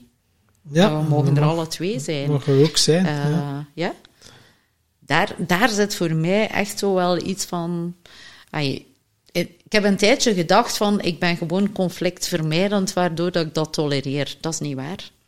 ik heb gewoon respect voor andere meningen uh, en die mogen er ook zijn. Ik ben daardoor niet conflictvermijdend. Uh, ik heb respect voor jouw mening. En ik Ja. heb, uh, als jij respect ook kunt voor de mijne hebben, zou het fijn zijn. Uh, Ja, en dat, kan, dat is dan zijn of haar waarheid. En dat is ook helemaal oké. Absoluut. Waar iemand had zo een voorbeeld van, oké, je staat in een zaal en je bent naar een beeld aan het kijken. En je zei dus, oh nee, dat beeld is zwart. En een ander zegt, het is wit. Maar je kunt wel allebei gelijk hebben. Hè? Dus te zien van waar dat Voilà, naar kijkt. Ja. Dus dan heb je ook zoiets van, ja, waar gaat het dan over? Er is ook wel iets als een universele waarheid, maar die kan je niet snappen met je mind. Die kun je enkel maar voelen. Dan, dan zit het alweer spiriwiri op zielsniveau. Ja. Maar daar is het uiteindelijk, zo simpel is het dan ook weer. En, dat is zo simpel. maar je ja. hebt, hoe Gary Zukov zei het mooi, je hebt eigenlijk wel het vijfzintuigelijk bewustzijn, of, eh, of waar, maar dan ook het multizintuigelijke waarneming. Maar met je vijfzintuigelijke waarneming kun je daar niet bij. Dus dat je nog in die soort onbewustheid zit, ja, die kunnen niet voelen of zien wat dat die eh, next level is, of nog niet. En eh dus dan ook elk weer op zijn tempo, of, of iets ernstigs meemaken, om dan eh, zo die barst te krijgen in dat harnas of dat panzer of zo van dat daar wel licht doorkomt, dus zo'n wonde die dan ervoor zorgt van, ah, het licht kan er doorschijnen. Ja, dan begint het. Zo is mijn ervaring. Ja.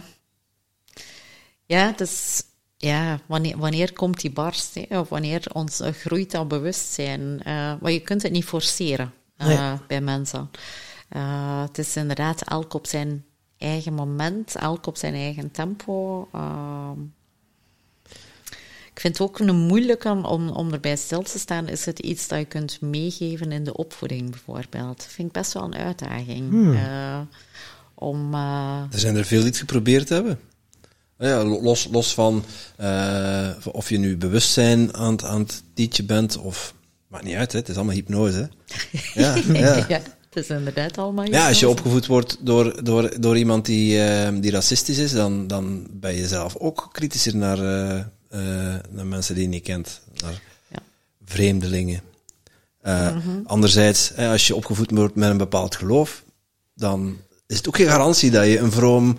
eh, als je katholiek opgevoed wordt, is het geen garantie dat je een katholiek vroom mens wordt. Ja, is... Je kunt je daar ook tegen gaan verzetten. Verzetten, Ja, ja. Hetzelfde met dat, met dat bewustzijn, dat kan ook gebeuren, denk ik. Ik weet niet of je daar een goed of fout in, eh, of er goed of fout in is. toch wel, ja, hoe dat je het dan ziet, Sven, dan is er zo wel eh, een vader, hè, dat er zo'n verhaal is, en zo, en twee, eh, zijn twee kinderen of zo, en die vader, ja, gewelddadig, eh, al in het gevangenis gezeten, en dan ging de reporter die, die een ene zoon gaan eh, interviewen in de gevangenis, ja, zegt hij, ja, hoe komt hier in de gevangenis? Hij zegt, ja, wat wilde jij nu met zo'n voorbeeld, met zo'n vader, wat hadden nu gedacht, wat dat er van mij gaat worden? Dat is toch maar logisch, ja, kon ook niet anders. Dan ging hij die andere zoon gaan interviewen, had het mooi voor elkaar, een gezin, mooi huis, tuin, nee, succesvol eh, ondernemer. En dan zei hij, en die kreeg dezelfde vraag, maar wat dacht jij, zegt hij, met zo'n vader, dat ik datzelfde pad ging lopen aan die vader.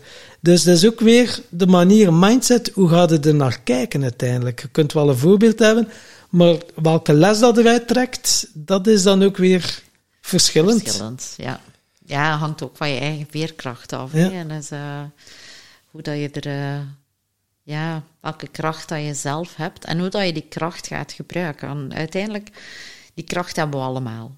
Ja. Maar hoe dat je hem gaat gebruiken, op welke manier dat je hem gaat gebruiken, Ga Dat je is- hem gebruiken om de wereld kapot te maken, of ga je hem gebruiken om de wereld een stukje mooier te ja, maken? ga je hem voor jezelf gebruiken om te creëren of om af te breken? En ben je je bewust van welke keuze dat je maakt? Hè? Ja, want heel vaak doe je dingen, aangeleerd gedrag. Hè? Het voorbeeld van, van die zoon. Ja, wat wil je met dat voorbeeld van een vader? Ik heb aangeleerd en ik doe zoals, of ik ga mij er juist tegen verzetten en ik ga iets anders doen. Eh, ja, heel Twee, verschillend. ja. eh. Hetzelfde, maar toch zo verschillend. Hetzelfde, maar toch zo verschillend. En dezelfde achtergrond. Hè? Dus eh, hetzelfde systeem waarin dat je opgroeit en toch eh, anders in anders eruit komen. Want dan, ja, jij krijgt dan zo de lessen hè, van het leven, maar je zit dan in de corporate wereld, zo reisverzekeringen en zo. Ja, daar heb je dan ook wel lessen mogen leren, om dan uiteindelijk ook te beseffen van, dat is hem toch ook niet net. Goh, het was wel een heel leerrijke school. Eh, Oké. ja, ik heb daar eh, heel veel geleerd. Ehm, ja, heel veel geleerd over ja, hele andere dingen. eh, over mezelf weinig, want ik was zodanig aan het geven eh, dat ik eh, mezelf verloor. Maar ook wel een heel mooi leerproces, toch nog rond leiderschap, rond hoe dat ik zelf, nou, ik ga het anders formuleren. Op een gegeven moment ben je zodanig jezelf aan het leeggeven dat je vergeet om te kijken naar de mensen rond je. Eh, en je krijgt toch nog het gevoel van er alleen voor te staan naar het einde toe. Eh, dat ik zoiets had van, ja, ik, ik neem hier heel veel uit mee, absoluut. Heel blij met die ervaring. Heel veel ervaring ook. Ehm,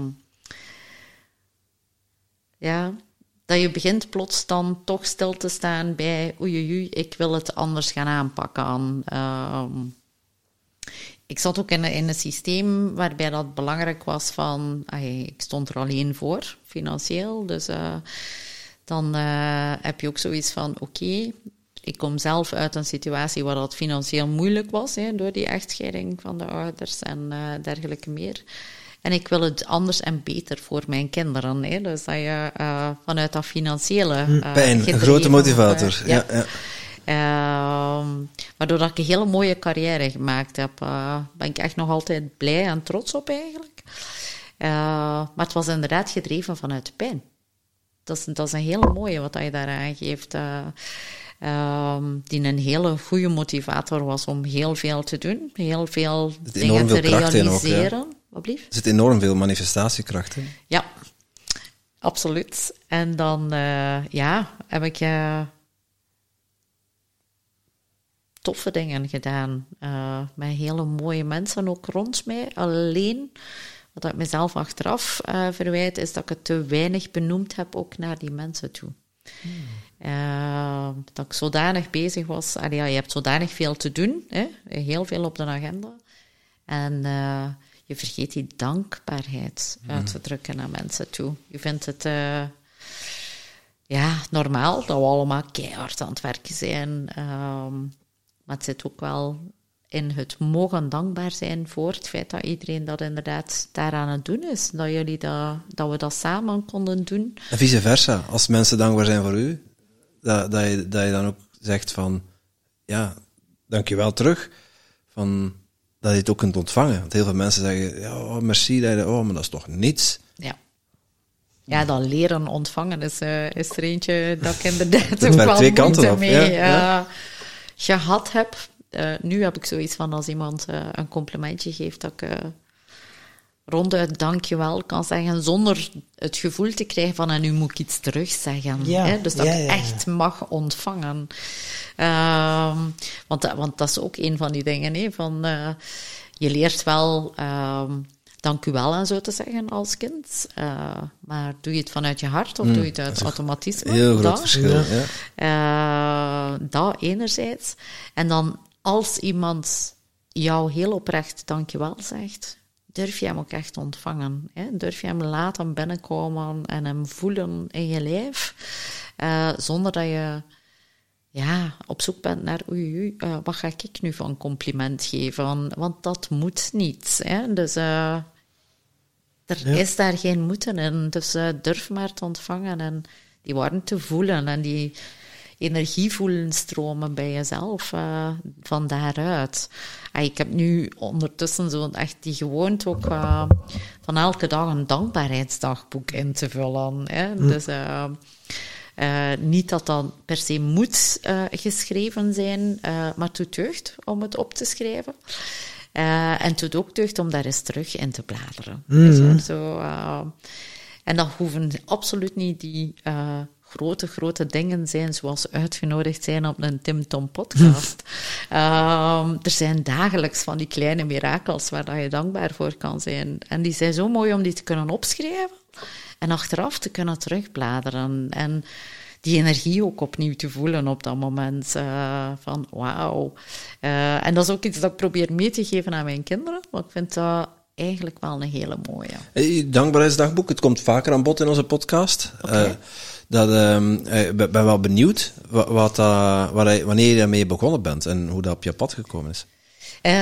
ik ben daar een jaar geleden mee begonnen. Uh, rond uh, het moment dat ik begonnen ben met 5 AM. Hè? Rond ja. de tijd dat ik Tom heb leren kennen. Uh, Spreek nu over een donkere periode in uw leven. ja, absoluut. Een heel donker moment.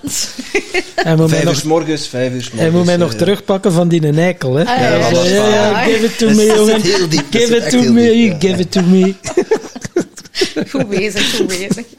Uh, dat was inderdaad wel een donker moment, want het was nog uh, in de winter. Ja. Ook, uh, om vijf uur s morgens opstaan en dan inloggen op een Zoom, uh, om daar dan inderdaad fris en monter te zitten, dat was... Uh, ja, ik ben wakker. ik ben wakker. Stopjes tussen uw ja. ogen. Uh, nee, dat is niet waar. maar die eerste weken vond ik het best wel lastig. Ondertussen is dat routine. Ja? Ik sta nog steeds om vijf uur s morgens op. en doe dat eigenlijk... ja, het is een automatische klok ondertussen. Mm. ondanks het feit dat mijn alarm op vijf na vijf staat, ben ik meestal net voor die vijf, voor, vijf na vijf wakker. Um, en dan ben ik de routine gaan inbouwen, hè, zoals het uh, meant to be is, uh, van, uh, of gesuggereerd wordt in ieder geval in de 5 AM Club, om dat eerste uur echt voor jezelf te gebruiken. echt me-time. Wat doe je dan? Dan ga ik 20 minuten mediteren. en dat doe ik meestal nog in mijn bed. Uh, dan ga ik 20 minuten uh, bewegen. Uh, in de winter vind ik dat een stuk moeilijker dan in de zomer. in de zomer is dat het eerste dat ik doe eigenlijk. Dat is opstaan, mijn schoenen aandoen en naar buiten gaan wandelen. Maar vanaf half augustus is het donker om vijf uur s morgens. Dus, vanaf half augustus? Ja, dat gaat heel snel. Jij woont in Finland? Of? nee. Nee, vanaf half augustus zie je echt die dagen korten. En om vijf uur s morgens wordt het echt donkerder ja, en donkerder. dat is echt opvallend. En dat gaat relatief snel eigenlijk in die periode. Ja, je merkt dat als, als mensen die niet om vijf uur opstaan, merk je dat niet. Als je om zes uur opstaat, is het lang licht al. Hè? maar als je om vijf uur opstaat, vanaf half augustus zie je echt die dagen korten. En dan zie je die mooie, mooie zonsopgang niet meer. Uh, en die mis ik ontzettend. En die heb je in de winter dan weer wel, hè? rond een uur of negen. Ja. Heerlijk. Ja, ja, inderdaad. Maar kijk nu inderdaad echt uit naar uh, uh, de dagen die weer langer worden, zodanig dat. Maar terug naar dat dankbaarheidsdagboek. Ja. Um, Merci voor de, voor de beetje structuur te houden in het gesprek. Ook. Ja, ik ben daar fantastisch goed in. Um, dus 20 minuten uh, bewegen, 20 minuten uh, mediteren en 20 minuten iets nieuws leren. Uh, dat iets nieuws leren, dat is niet, hey, bij mij toch niet, bezig zijn met een muziekinstrument of zo, s ochtends vroeg. Je hebt mensen die dat soort hm. dingen doen, maar ik wil de kinderen niet om vijf uur laten opstaan als dat niet moet. Ehm, dus dat is over het algemeen iets lezen geen podcast beluisteren, sorry, dat ook niet, morgens om vijf uur. Uh, ondertussen is het dan 20 voor zes, want dat is wel het laatste stukje dat ik altijd doe. Uh, is uh, lezen, en dat heeft er mij toe aangezet van eigenlijk het laatste jaar meer boeken te lezen en een keer echt uit te lezen, in plaats van overal één hoofdstuk te lezen en dan geen tijd meer ervoor te vinden. Elke dag 20 minuutjes lezen, dus zo leuke dingen. Ja. En welk boek zijn je nu bezig? Uh, de boek dat ik nu mee bezig ben is, uh, het gaat over idioten. Uh, ik ben omringd door idioten. Oké. Okay. Ja. en, maar mijn ik ga eerst naar, naar mijn ah. Ja, ja, ja, Je mocht ze bieden naar mijn boek terugspringen, dat is prima. niet vertellen, Tom. Ze zit net op een draad. Laat mij nu toch uitspreken, ja. Maar dus naast die ochtendroutine uh, had ik zoiets van, ik wil s'avonds ook wel iets. Um, en uh, er, is over heel, er werd over heel veel gesproken hè, in uh, die eerste uh, vijf dagen, of het was zeven dagen, opstaan ja. om vijf uur s ochtends. Ehm, en ik had bij Els van Laken, waar ik ook uh, trainingen en zo gevolgd heb, hadden het ook al ontzettend veel over dankbaarheid gehad. En hoe belangrijk dat dat is om inderdaad uh, je goed te voelen, je vibratie omhoog te krijgen, uh, et cetera. En dat is ook inderdaad wel zo. Um, had ik ja, op een gegeven moment zoiets van, schrijf het nu toch gewoon op s'avonds. Dus uh, echt letterlijk voordat ik in mijn bed kruip, uh, op mijn nachtkastje ligt mijn pen en mijn dankbaarheidsdagboek. Uh, en ben ik in die periode er eigenlijk mee begonnen. In een periode dat, ja, dat, dat ik ook wel wat zoekende was naar van alles en nog wat ik mee bezig was. Van, wat vind ik daar nu het belangrijkste in? En je werkt heel veel alleen. Dus uh, uh, zo'n gesprek kun je ook eens ontzettend dankbaar voor zijn. Uh, maar Wel, het helpt wel natuurlijk. Hè? Want de challenge waar je over spreekt is met Jasmin de Beelden. Die hebben we ook te gast ja. op een podcast, om zei het net. Ja. het principe is gewoon dat je jezelf omringt met, met gelijkgestemden. Met ja. mensen die eenzelfde doel nastreven. En, en elkaar daar ook in versterkt. Mm -hmm. Het begint hier te hagelen, geloof ik. Het begint hier te regenen, inderdaad. Ja ja, dat we omringd worden door de juiste mensen is een belangrijke. Uh, maar ook uh, echt durven thuiskomen bij jezelf vind ik net zo belangrijk. Zonder je eenzaam te voelen, zonder je alleen te voelen. Hè, want ik heb geen partner. en dat dankbaarheidsdagboek zorgde voor dat aangename gevoel, ook s'avonds voordat ik ging slapen. en is eigenlijk ondertussen een hele warme routine. Van, ja, want die routines... Hal Elrod heeft er ook eens een bestseller van, The Miracle Morning. Ja, dat is nog iets anders dan de 5 AM Club. Dat is, uh, dat is nog... Maar ja, het komt er ook op neer. Hij noemt het dan de, de Lifesavers. En Savers is dan een acroniem voor Silence. En dan affirmaties en visualisatie en exercise, dus workout.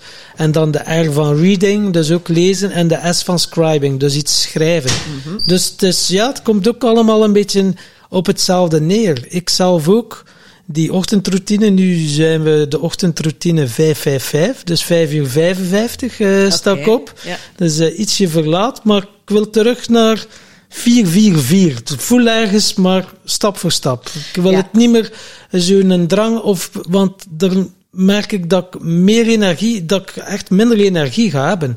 Dus nu heb ik gezegd, nee, begin met 555 en het voelt goed. En dat is dan ook zo even een kwartier mediteren en dan ook die Wim Hof ademhaling. Nu iets leren is mijn Engels via Duolingo. Ook iets lezen, maar bij mij is het ja, een uur en drie kwartier dat ik echt wel uh, aan mezelf. Ja, zo is simpel is, mooi. het. Gewoon een uur en drie kwartier. Uh, ja, daar hoef ik echt niet over na te denken. Van die een tijd is voor mij gereserveerd. En ja. uh, mooi. En dat is dan natuurlijk ook leuk als er dan een partner is die dat ook tof vindt, graag doet. Dat is dan zo... In het begin zag ze zo structuur en planning, dacht ze... Wat, wat zot dat ik ik binnengehaald. Maar nu is ze zoiets... Ah, ik snap u. En terwijl dat, dat vroeger al zodanig in haar systeem zat... Om me zo wel... Eh, niet echt presteren, maar echt wel zo... Al die cursussen en die dingen. Dus ja, ze is ook zo geprogrammeerd.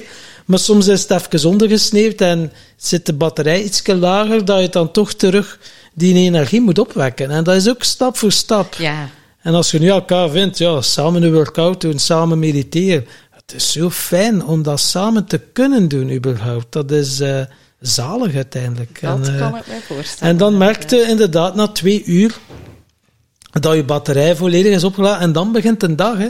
En als je dan mensen kunt begeleiden en je staat zo high in je energy en mensen komen in je veld, dan gebeurt er magie. Ja. Maar uh, ja, het is ook eerst goed voor jezelf zorgen, hè, die zelfzorg. Hè. En dan Ja. begint het, hè, dingetjes laten zo van, uh, ja, ja, bijvoorbeeld koffie is nu al een tijd dat ik laat, maar echt wel weer die intermittent fasting. Alles eraan doen. Ja, we hebben al 160 mensen geïnterviewd, elk met zijn tips. Dus ja, als wij alles zouden toepassen wat dan we al gehoord hebben, ik zweer dan zijn ja. wij niet verlicht, dan zitten wij er nog, uh, nog een level boven, denk Ja, ik. ja. Maar uh, Dat is, eh, dat is zo zot, maar het- wel vooral doen wat dat bij jou past en wat dat goed voelt. Stap voor stap ook. vooral, en mensen ja. zeggen dan zo van, oh, zwemmen is gezond. Maar ik, ik vind er geen fuck aan aan zwemmen, echt. Ah, maar daar kan dan ik echt van genieten. Ja, daar zie ik op tegen. En dan heb ik zoiets, ja, dan doe ik het ook gewoon niet. Of een ijsbad zou ik dan wel, dat dan zoiets meer.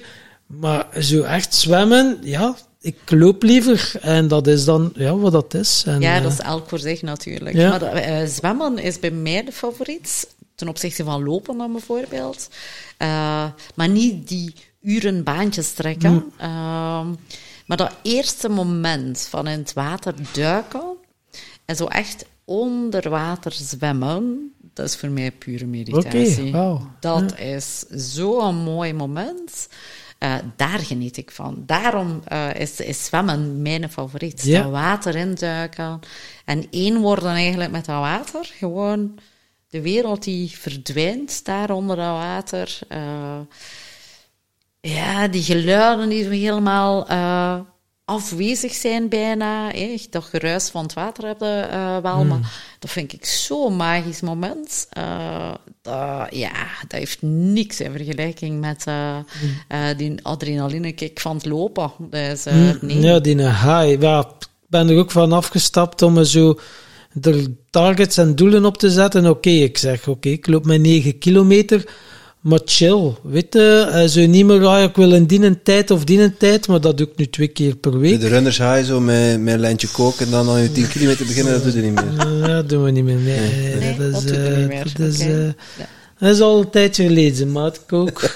dat is dan, dan eh, als de dier nog praat. Maar ja, het was inderdaad wel een feit.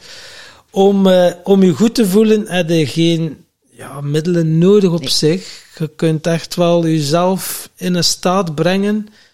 En, eh, maar wat ik ook geleerd heb, is van, je kunt je wel in een staat brengen, maar het wil niet zeggen dat je nog niet meer kut kunt voelen. nee. Want je kunt je wel niet nog... meer moogt voelen Ja, of Ja, niet meer ja. mogen, Vooral of shit hè, voelen. en het zo mag van. nog. eh, en het is oké als het zo is. Vooral ook het aanvaarden van... Je mocht je een keer een dag bijna slecht voelen. Eh, en ik heb ook wel geleerd van... Het moment dat je het kunt ah, verwelkomen eigenlijk, u dat slecht voelen. En er gaan bij stilstaan van... Hoe komt dat nu eigenlijk dat ik, dat ik mij zo slecht voel? Eh, niet dat je dat moet overanalyseren, maar het moment dat je het kunt verwelkomen van het mag er ook zijn, want komt mij iets vertellen, ja, dan is dat... Dan blijf je daar niet lang in hangen, hè. Nee. Eh, want dan trek je er de les uit en hups, je bent weer vertrokken. Ja, en anders transformeer je het misschien in, in, in, een, ja, in een angst of in een agressie. Of Voilà. in een, het komt er toch wel een keer uit. Ja, het En dan, in moet een vorm, en dan in een vorm die je niet kunt controleren en die, in- ja, die, Ja. waarvan je ook denkt van, hoe, waar komt dat nu weer vandaan? Ja, ja en, en ja, het blijft allemaal in je lichaam zitten. Hè. Als je het eh, inderdaad niet, eh, er niet mee aan de slag gaat, dan. Blijft het er. En, en dat is wel een belangrijke. Je, had het net over het, je eerste transcendente ervaring in, in Afrika. Eh, toen vond je het nog wat creepy, nog wat eng. Ehm, kun je ons dus meenemen het moment dat je dat geshift hebt? Het Dat je kantelmomentje. dat juist bent gaan gebruiken. Diezelfde kracht. Ja, eh, wel, dat eh, is eigenlijk nog niet zo lang geleden. Ehm, toen dat ik heel bewust... ik wou stoppen met roken, eh, een aantal jaar terug. Eh, en er was iemand die zei van... Goh, eh, moest ik van jou zijn, zou ik dat eens proberen met hypnose. En ik dacht van, ja, weet je... We gaan dat eens ontdekken. Hè. Ik ben nieuwsgierig van aard, dus ik vond dat best Je was niet bang dat ze je in een kip gingen veranderen. Nee, nee, die schrik heb ik nog nooit gehad. Ik heb ook nog nooit geen hypnosetherapeut iemand in een kip eh aan je doen kakel. Ik heb dat nog nooit gezien. Hè? Dus eh, dat is zoiets dat heel fel inderdaad leeft. Van, eh ga mij toch niet Ja, doen dat, is de, kakelen dat is de stage hypnose die we kennen van televisie. Van als, ja, het moet, als, het, als het showgehalte, dan, dan is het zoiets dat je te zien Ja. krijgt natuurlijk. Dat klopt. En dat is ook wel fascinerend eigenlijk, want op zich kunnen wij dat ook als eh hypnosetherapeuten. Kunnen wij doen wat dat die showhypnotiseurs doen. Eh, maar we doen het niet. Hè. Het is een bewuste keuze dat je maakt. Maar dus dat kantelmoment is er gekomen toen dat ik ging, eh, bij een hypnosetherapeut dus langs ging om te stoppen met roken. En ik zat op dat moment uh, in een, net een einde van een relatie. Uh, die mij echt wel, de achtervolgde mij. De uh, negatieve energie bleef Letterlijk? hangen. Of geen stalker? nee, zo erg was het niet. Maar, maar wel, ik bleef mij echt niet goed in mijn vel voelen. Nee. Echt liefdesverdriet, zeg zat, maar. Die het zat heel diep en je bleef ermee rondlopen. Ja. ja. Uh, ondanks het feit dat ik dacht, ay, dat ik wist van up to me om dat nu te stoppen, maar ik slaagde daar niet in. Uh, en ik ben buiten gekomen bij die hypnosetherapeuten. Uh, ik was niet gestopt met roken. Uh, ik had daar ook gezegd van als ik nu stop met roken, ik kom hier buiten en ik steek weer een sigaret op. Hè. En zij had ook zoiets van, ja, makes sense. maar als je wil, kunnen we ook op dat ander gevoel werken. En ik had toen zoiets van, bon, we kunnen maar proberen, want het is inderdaad niet fijn, zoals dat nu is. En ik ben daar buiten gekomen en ik was weer een gelukkig mens. Oké. Okay. en toen had ik zoiets van, wow, dit is next level in mijn beleving toen. Hè. Dus...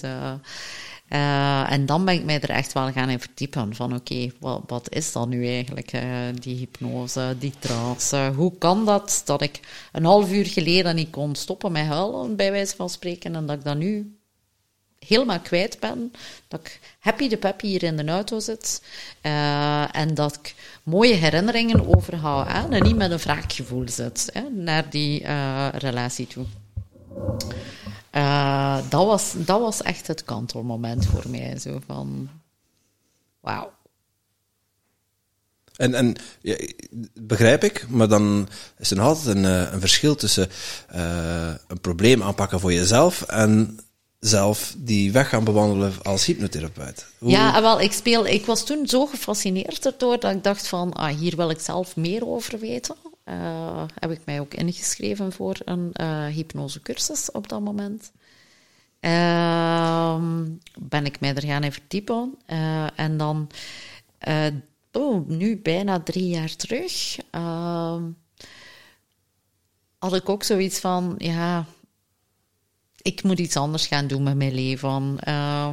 de leeftijd zal begonnen zijn met spelen toen, helaas. Uh, zo van, ik word ouder als ik... Wordt iedere dag ouder, ja, dat is waar. Dat is waar, absoluut, ja. Maar als ik nu nog iets anders wil gaan doen, dan is het nu of nooit. Het was zo het gevoel ja. die ontstond. Ehm, en ik had toen zoiets van, ik wil, dit is nu wel het moment waarop dat ik wil echt kiezen wat ik ga doen. mijn gevoel naar vrijgevochten zijn en uh, mijn eigen ding mogen doen, was heel sterk toen. Uh, en het is alleen maar sterker geworden, merk ik.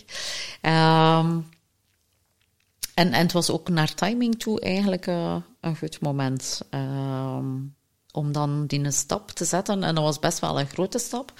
Om zelfzeker genoeg te zijn, laat het mij zo stellen. Uh, want ik had toen best wel al gewerkt aan mijn zelfvertrouwen, mijn eigen waarde, want daar zaten ook wel wat dingetjes uh, uh, die niet goed zaten. van, weet je wat? Alleen of niet alleen, ik ga mij toch niet laten afschrikken om mijn eigen zaak te beginnen. Uh, ook al ben ik een alleenstaande moeder, uh, ik ga die sprong wagen. Hè. Uh, en dat, dat, was best wel een grote stap, vond ik zelf. om dan inderdaad zo'n extreme carrière switch eigenlijk te maken. Hè. Want dat was inderdaad van directeur in een grote reisverzekeringsorganisatie. Ja, want je hebt jezelf helemaal opgeklommen. Ja, absoluut. ik had een internationale directiefunctie. Dus was inderdaad best wel uh, een, een, grote stap.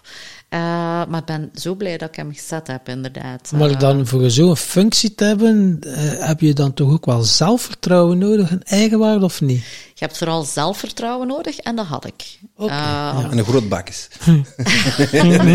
nee, zelfvertrouwen. En weten van, ik kan dat. Oké.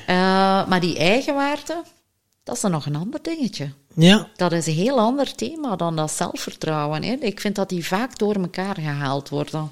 Eh, als je jezelf niet goed genoeg acht, kun je geen zelfvertrouwen hebben. Ik had het volste vertrouwen in mijn kunnen. Hè. Eh, anders had ik absoluut niet de carrière gemaakt eh, dat ik gemaakt heb. Anders had ik ook absoluut de kinderen niet alleen opgevoed die tijd. Die, dat zelfvertrouwen van ik kan dingen, ja, die was er. Maar dat, dat, die eigenwaarde van ik ben iets waard als mens. nu zijn er enkele luisteraars en zo. Help ons, Nele, help ons. Hoe kun je uw eigen waarde opkrikken? Hoe heb jij dat gedaan? Goh, dat, is- dat, dat is een lange reis. Hè? Dus, eh, ehm, bij mij begon dat vooral met het voor mezelf erkennen van Nele, want daar, was ik echt van overtuigd, jij bent geen lelijke vrouw. Ja, ik heb eh, eh, bijna 50 jaar eh, ben ik overtuigd geweest van het feit dat ik aardslelijk was. En dat begon met heel simpele oefeningen van kijk nu eens in die spiegel en zie nu eens wat er wel mooi is aan jou. Echt die, die eh, dat knopje gaan omdraaien en dat durven benoemen. Hè? En dur- durven toelaten dat je niet denkt op dat moment van nee, je zit knettergek. Eh, als je voor de spiegel staat en die dingen gaat voor jezelf benoemen. Hè? Het voelt heel onwennig eh, in het begin.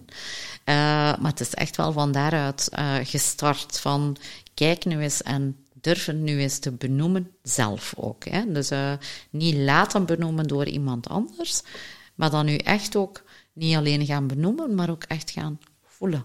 Ja? En herhaal het totdat je het voelt. En ik heb best wel huilmomenten gehad in de badkamer. Eh, zie, ik word er nog eh, ja, emotioneel van. Ehm, dat, dat soort dingen inderdaad. Van durven ja, benoemen wat er echt wel is. Want vanuit onze opvoeding zijn we allemaal eh, wel eh, van blijf maar met je voetjes op de grond Ja, en ja. dat stoeven op je eigen, dat doen we niet. Eh, maar dat heeft zo'n zware impact op hoe dat je naar jezelf kijkt. Dat je, ja... Ja, er mogen zijn uiteindelijk. Zo van, ik heb hier wel iets... ja. Ik mag hier zijn. Ik ben zijn. een mooie vrouw. Eh, ik, ik mag mijn plekje innemen. Eh, ja. Het is Ja. ook mooi dat je het loskoppelt van, van zelfzeker zijn of zelfzeker Absoluut. overkomen. Ja.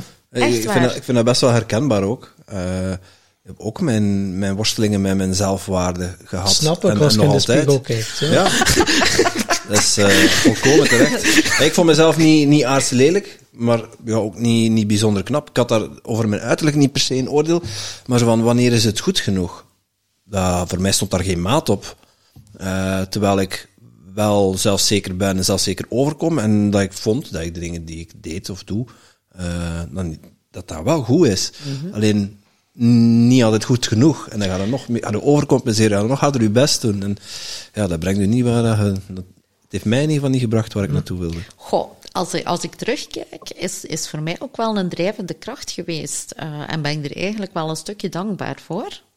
Eh, Begrijp ik dat je dat zegt, ja. Want het zou mij niets in mijn carrière gebracht hebben waar dat ik eh, gestaan heb. Die een kracht van, eh, en het moet nog beter, en het moet nog dit, en het moet nog dat, eh, heeft mij wel een mooie carrière opgebracht. Terwijl dat eigenlijk in het begin nooit mijn ambitie was van zoveel carrière te maken. Het feit dat er potentieel gezien werd door anderen, want vanuit jezelf ga je ze niet herkennen. Hè? Je eigen waarde is... En dan iemand anders zal het wel benoemen voor mij. En geloof ik dat dan of geloof ik niet dat ik dat kan? Eh, dat zat er heel fel. Eh, terwijl dat ik het nu wel zelf durf benoemen. Eh, dat niet iemand anders mij moet vertellen waar dan mijn kracht zit. Vanuit gebrek aan eigenwaarde doe je dat niet. Eh, en vanuit... Eh, Eén keer dat je dan voor jezelf inderdaad die waarde wel ziet en voelt, uh, kun je het ook wel eens gaan benoemen. En het wordt wel eens raar bekeken, hè, dat je het dan ook zelf gaat benoemen. Want cultureel uh, zitten we als Vlamingen nog altijd wel in, in een andere mindset. Ja, ik kan Jean zeggen, ik ben een, een Hollander, dus ik kan mij daar te verstoppen. ja, daar is al een stuk minder inderdaad. maar het is ook door een samenwerking. Ik had uh, een, een Hollandse CEO. Ik weet niet of het daar minder is, maar het is minder zichtbaar. Het is minder zichtbaar, eens. Uh, maar het is wel mijn, mijn Nederlandse CEO, Willem, die mij eigenlijk de eerste duwen echt gegeven heeft in de richting van zie nu toch in godsnaam een keer uw eigen kracht. Uh, was, was een fantastisch mooie mens om voor te werken, uh, die u ook als mens zag. Uh, die ook tijd voor jou nam als mens. Van, en hoe gaat het nu echt met jou? Uh, dat soort vragen hm. had ik voor die tijd, uh, want ervoor uh, werkte ik vooral samen met een Belgisch CEO, had ik nooit de vraag gekregen van, en hoe gaat het nu echt met jou? En dat is wel een hele, in het begin een, een chockerende vraag, hè? Van in een werkcontext moet ik hier nu echt vertellen hoe dat echt met mij gaat. Ja. Uh, Zal ik niet de verbloemde waarheid vertellen? Misschien zo nou wat argwanend te. Wow, dan zit hij zo nou van, ja. nou en gaat hij je misbruiken. Ja, uh, wel, enerzijds zit hij nu, nu moet ik iets positiefs zeggen. Mm. ja, hoe gaat het met je? Of fantastisch. Ja, absoluut goed. Ja, nee. Van hem, uh, ja, bij hem kon ik echt gewoon mezelf zijn. Uh, en als het een keer tegen zat, uh, dan kon ik dat daar ook wel benoemen en bespreekbaar maken. En ja, de eerste, de eerste keer dat hij tegen mij zei van Nele, jij beseft niet half wat een powerwoman dat jij bent, had ik zoiets van, oké, okay. totdat je hem leert binnennemen, hè, inderdaad. Van, wauw, ja, eigenlijk. Uh, Het mag, hè? dat plekje innemen, uh, et cetera. Dat is eigenlijk het begin geweest. Als ik nu, ay, terwijl we aan het praten zijn, terugdenk aan wat was nu het e-, allereerste moment, hè? die een klik zo van, uh, ik, ik ben wel iets waard, hè? die eigenwaarde, was eigenlijk dat moment. Hm. Ja. Want dan, je gaat dan hypnoseopleidingen volgen. De meeste mensen, die een opleiding volgen, die hebben zo, ja, maar ik wil andere mensen helpen. Maar uiteindelijk is 99% die te zit om hen zelf eerst te helpen. Was dat voor jou? Ik moet eerlijk zeggen, in eerste instantie ging ik ook met de intentie, ja, ik wil anderen helpen, dat. Maar als ik erop terugkijk, zat daar toch onder, nee, nee, ik wil eerst mezelf hier helpen. En, uh... ja.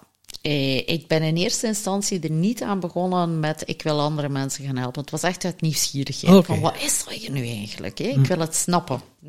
Mm -hmm. het. Uh, ik wil het snappen. Uh, ik wil begrijpen wat dat je daarmee kan doen, uh, et cetera. Uh, het moment dat ik beslist heb van ik ga er nu echt ook mee aan de slag uh, op zelfstandige basis en, en bedrijfje uitbouwen, was ook wel het moment dat ik zoiets had van, oké, als ik anderen goed wil helpen, dan moet ik wel eerst inderdaad maken dat ik zelf ook in mijn eigen kracht sta. Hè?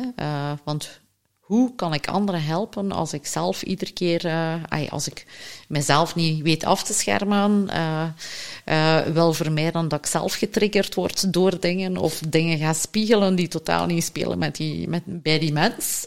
hoe zorg ik ervoor dat ik zelf zo puur mogelijk kan zijn uh, als, als therapeut en als coach, uh, ja, dan moet je inderdaad met jezelf aan de slag. En, en dan is het best wel een lange reis, om niet te zeggen van, ik heb de indruk een nooit eindigen Never ending, hè? Never ending, ja. Uh, want uh, je komt altijd wel weer op nieuwe stukken. Ja, en dat vertellen ze niet voor je begint, hè? Nee, nee. Nee, want als ik denk van ik ben begonnen, ik was van mijn alcoholverslaving, ja. dus ja, bij Martijn Groendal, ja. komt ook op uw congres, hè, ja, 6 en 7 mei. Absoluut. Is het? Uh, dus ja, dat was dan zo, oké, hij hielp mij dan in één zo, ja, een sessie, ik weet niet, was het regressie of zo. Hup, ja, toch van dat alcoholstuk uh, ervan af. En dan zei, dan zei hij wel, ja, omdat ik dan nog als ambtenaar was, dan zegt hij, ja, waarom maakt je van uw shit uw mes niet? Waarom ga je geen mensen gaan afhelpen van hun verslaving?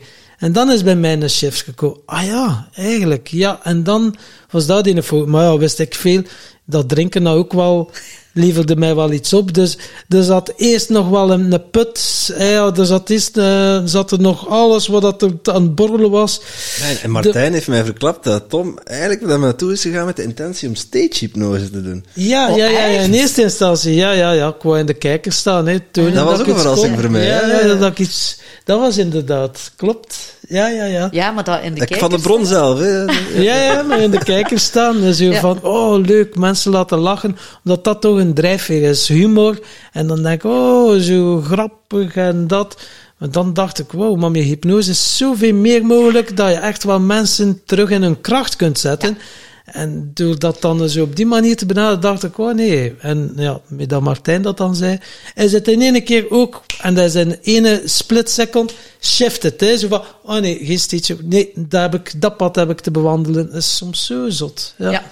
Ja, bij mij was het inderdaad ook van eh, mensen echt in een kracht zetten. Eh, en, en dat is redelijk ruim. Ik wil het niet eh, beperkend invullen van alleen dit soort mensen of alleen dat. Nee. Ehm, je, je kunt mensen op heel veel verschillende vlakken in hun kracht zetten. En iedereen heeft iets anders nodig om echt in zijn of haar kracht te kunnen staan.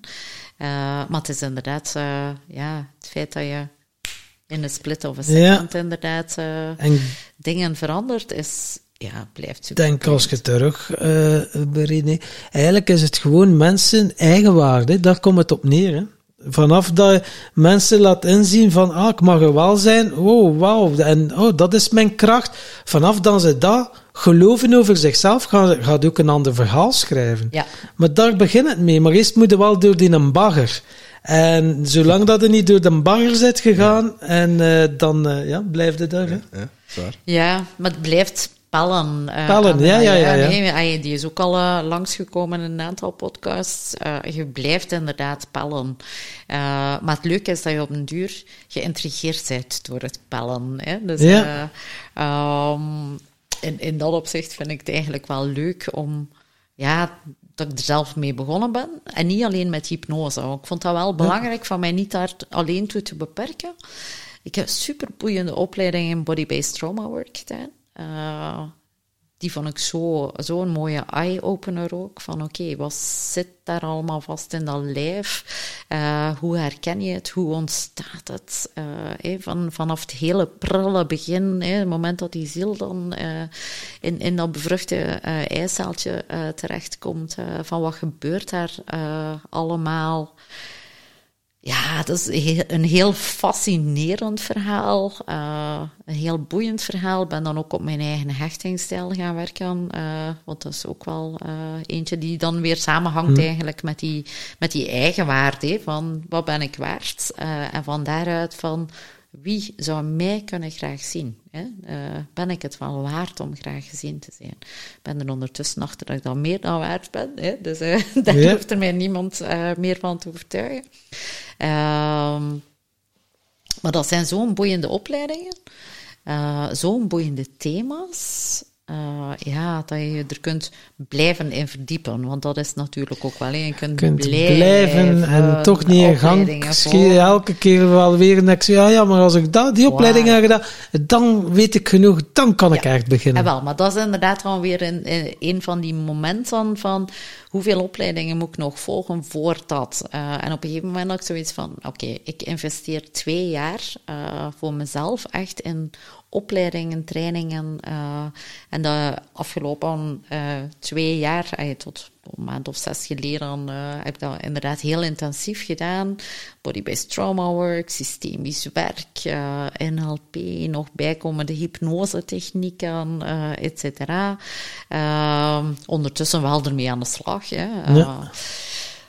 Um, en dan ga je, je, op vandaag ben ik eigenlijk trots op de combi die er staat van al die verschillende dingen. Uh, omdat je gewoon, hoe meer dat je leert, hoe mooier dat je ook kunt gaan schilderen. Laat het mij daar meer vergelijken. Al die uh, kleurtjes verf dat je kunt gaan mengen. Dat je uh, zo mooie dingen kunt mee doen, dat ik denk van... En dan de belangrijkste opleiding heb dan nog vergeten, want dat vind ik dan een interessante. Tenen lezen. Kijk, en we hebben hier allebei ons dacht, nu tenen... komt het NLP we hebben, ja, nee, we, nee, hebben, nee. we hebben allebei ons Tenen bij. Dus nu ben ik wel een keer benieuwd wat dat jij ziet in onze tenen. Mogen we dat doen hier tijdens de live podcast? Ik vind het altijd interessant. Jij je voetjes stinken niet? Dat kan ik niet beloven, maar... eh, Oké. Je mocht gerust Ik wil je ze schoenen best en Oké, sokken af. voilà, we gaan, eh, dus bij deze luisteraars gaan we schoenen en kousen uitdoen. uit. Ja, ja. Alle twee?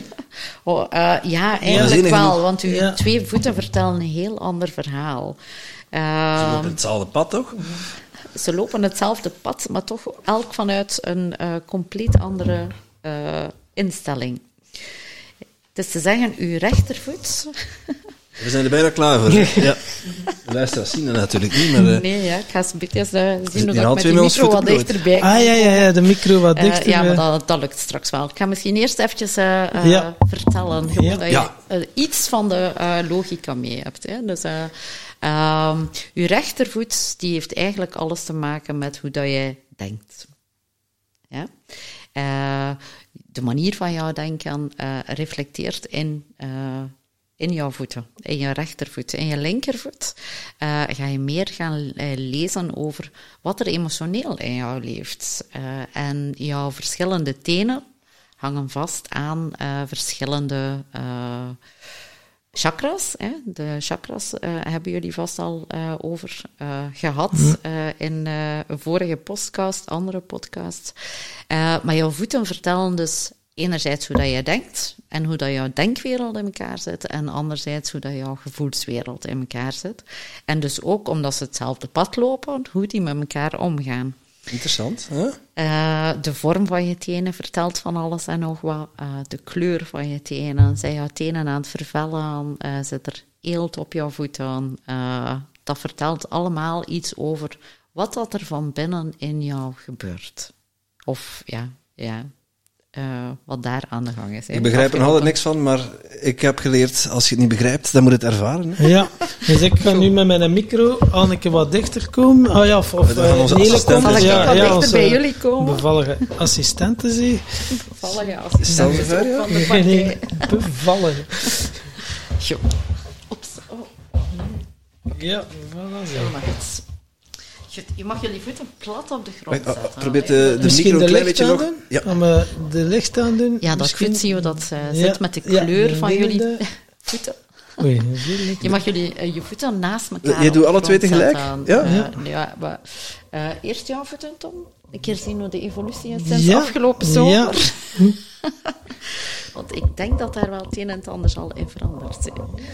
ik heb zo'n vermoeden. Het zou zomaar eens kunnen. Gaan we eens kijken. Goed. Jullie grote teen, dat geef ik even als uitleg erbij. Jullie grote teen eh, vertelt veel over de manier waarop dat jullie communiceren. Ja? Eh, de manier waarop dat je praat over je gevoelens. Of dat je dat al of niet makkelijk kan, of niet makkelijk kan.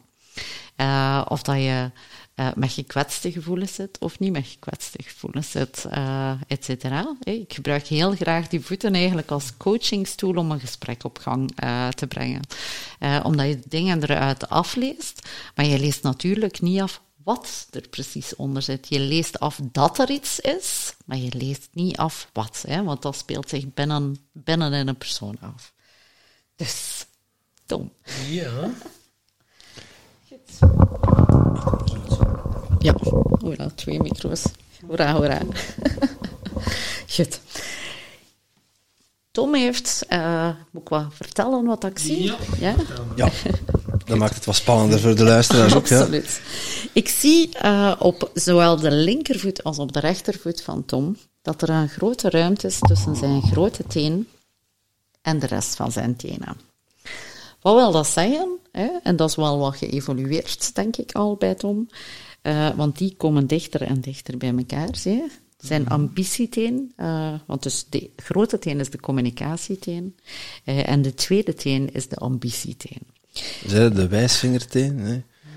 Ja, eigenlijk Ja? naar het schijnt, maar ik, daar weet ik zelf niet genoeg van. Heeft het, kun je het vergelijken ook met eh, eh, handlezen? Hè? Dus, eh. Maar ik weet niks over handlezen. Ik weet iets Ik doe het meer om te refereren van welke teen dat we zitten. Ja. Ah ja, oké, sorry. maar die connectie zou er wel zijn. Dus uh, goed. Um, ik zie dat er een. Mag ik even aan je Ja, teen ja, ja, komen? ja, ja. Dat er een, een kleine kwetsuur op jouw tenen zit. Mhm. Ja, en dat er. Dat vertelt over het algemeen ook iets. Ik heb mij laten wijsmaken ehm, dat wat er ook te zien is op een teen, dat dat nooit toeval is. Hè? Dus dat er altijd een reden is. Dus ook als je een gekwetste teen hebt van ergens tegenaan te lopen, dat dat toch weer iets vertelt over wat er op dat moment gebeurt, gelinkt aan eh, dat kanaal. Ja? Dus ik zie op je communicatieteen op je linkervoet eh, een klein kwetsuurtje zitten. Ik ga niet in de details daar treden. Nee, het is een kwetsuurken. Is rap op zijn teentjes getrapt ook. Ja.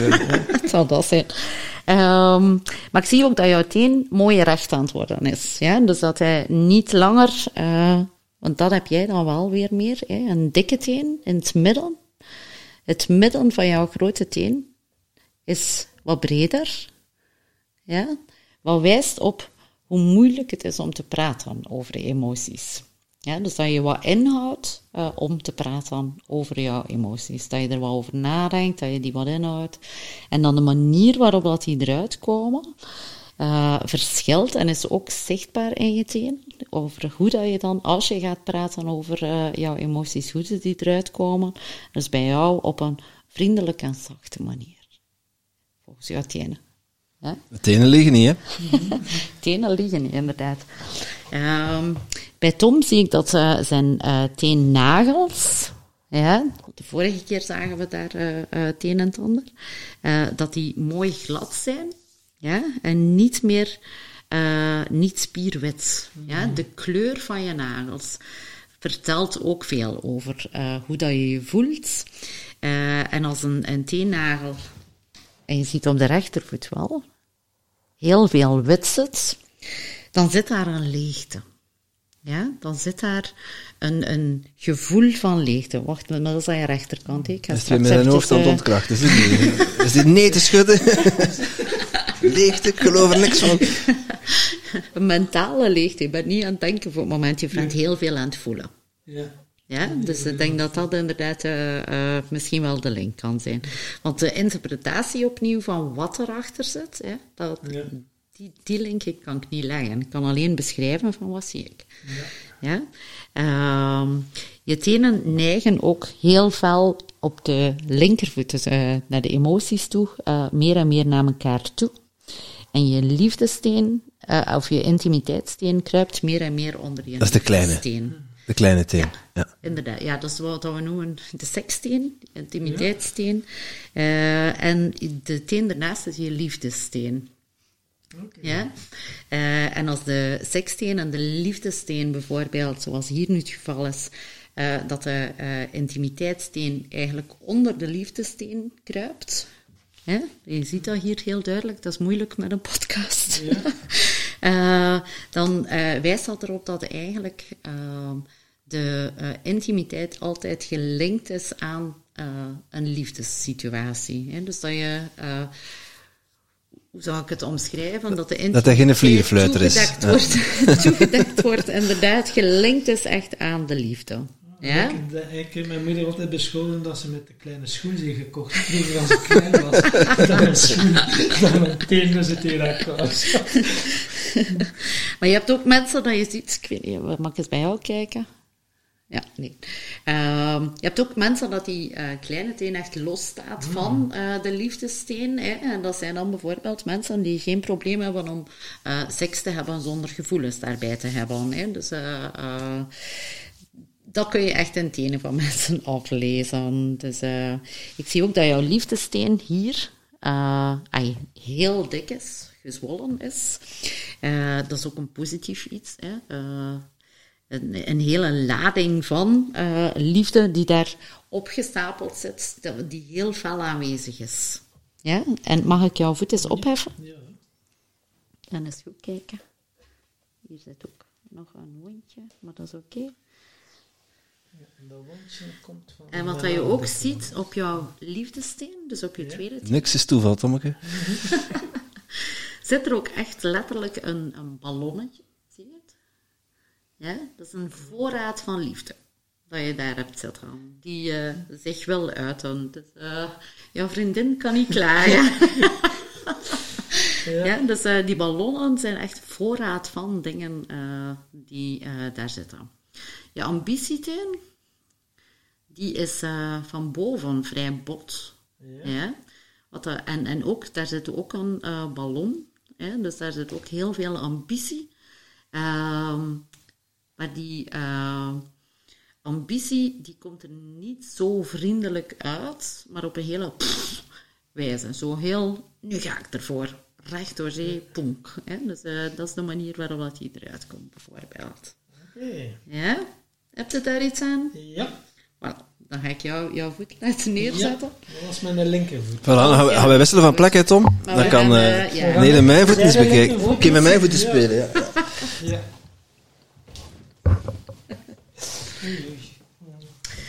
Alright. Hele andere tenen.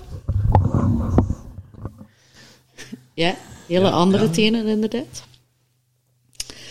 Veel kortere tenen. Ja.